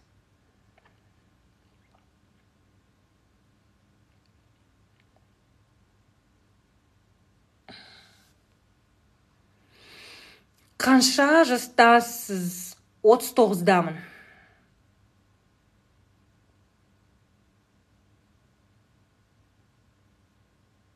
сіздің курстарыңыз не туралы менің курстарым даму туралы. в частности это целая программа я рассказываю в этом бүкіл ол программаға үш курс кіреді это поэтапный поэтапный этапы развития поэтапный сенімділік әрекет және масштаб три ступени развития. В целом развивает эмоциональный интеллект и развивает мягкие навыки, soft skills. А, да, для человека, который хочет расти, развиваться, быть успешным, быть денежным, быть ответственным, выходить на масштаб, зарабатывать больше. осындай адамдарға арналады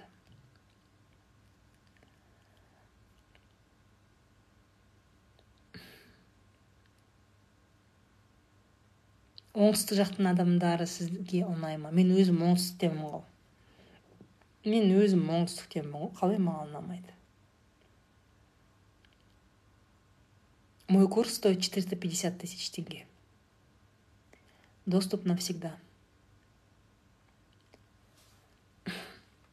Куратор на платформе, все технологично и доступ навсегда. Покупаешь один раз, обновление, обновление получаешь постоянно. қазақ аудиториясында болған жақсы рахмет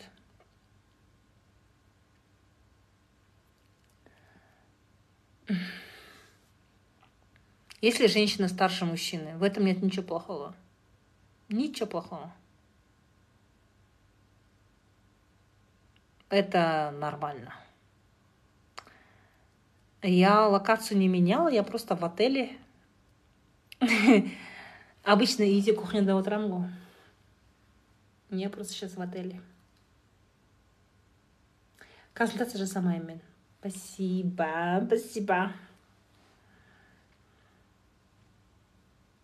самооценка қалай көтересіз М білім алам жұмыс істеймін алған білімімді іске асырам нәтижелерімнен кайфую содан мен самооценкам көтеріледі а когда ты просто сидишь дома ты рожаешь детей никто не ценит рождение твоих детей никто не ценит что ты дома убралась приготовила еду все тебе говорят ты какая то не такая ты такая какая то тряпка сен күйеуіңе қызмет жасамадың дей ма блять өйтіп сенің самооценкаң көтерілмейді бізде қоғамда патриархалдық қоғамда әйелдің самооценкасы жоғары болу үшін ол білім алып жұмыс істеп өзі реализоваться етіп нәтижелерінен кайфовать етіп үйрену керек.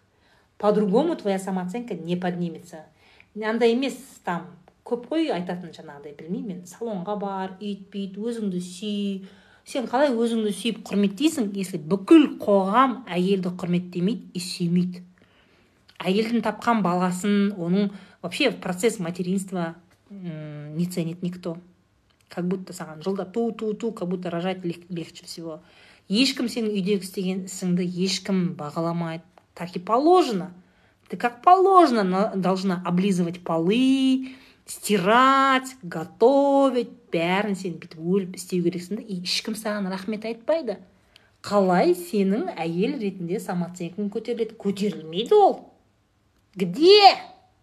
Как, если все общество, вот ты стараешься, жалуешь, да, ты стараешься, стараешься, ты работаешь, работаешь по дому, как белка, крутишься, все делаешь, выглядишь красивый, бесполотуасың, фигураң ат, тамақты істейсің, укладка, макияж, салон, все делаешь, да, вот, и работать успеваешь, үйде отырып ақша тауып үлгересің, да, и все тебе говорят, ты недостаточно хороша, ты какая-то, блин, сен не то әйелсің дейді да какая самооценка может быть в патриархальном мире у женщины когда никто не ценит ее труд о чем вы девчонки о чем образовывайся развивайся зарабатывай деньги и свои деньги научись этим кайфовать бізде көп әйелдер ақшасын табады да ақшасына байына бір машина әпереді туысқандарын жарылқайды. Сөйтеді де сосын самооценкасы жоқ выгорание болып отырады. Трать на себя инвестируй в себя люби себя. Ақша тапқаннан кейін ақшаны өзіңе сал жүгіре бермей. Понимаешь? Тратьте на себя деньги. Вы заработали. Бізде патриархалдық қоғамда ақша табатын әйел она вдвойне молодец. Потому что кәсіпкерлік ортада да барлық жерде еркектер неше түрлі клубтарда да инвесторлардың арасында барлық жерде еркектер барлық жерде еркектер. Их больше всего руководящие должности мужики везде. Поэтому ақша табатын бай ақшалы әйелдер они вдвойны молодец. Если ақша табатын еркек молодец болса ақша табатын әйел она вдвойне молодец потому что она делает двойную работу. Понимаешь?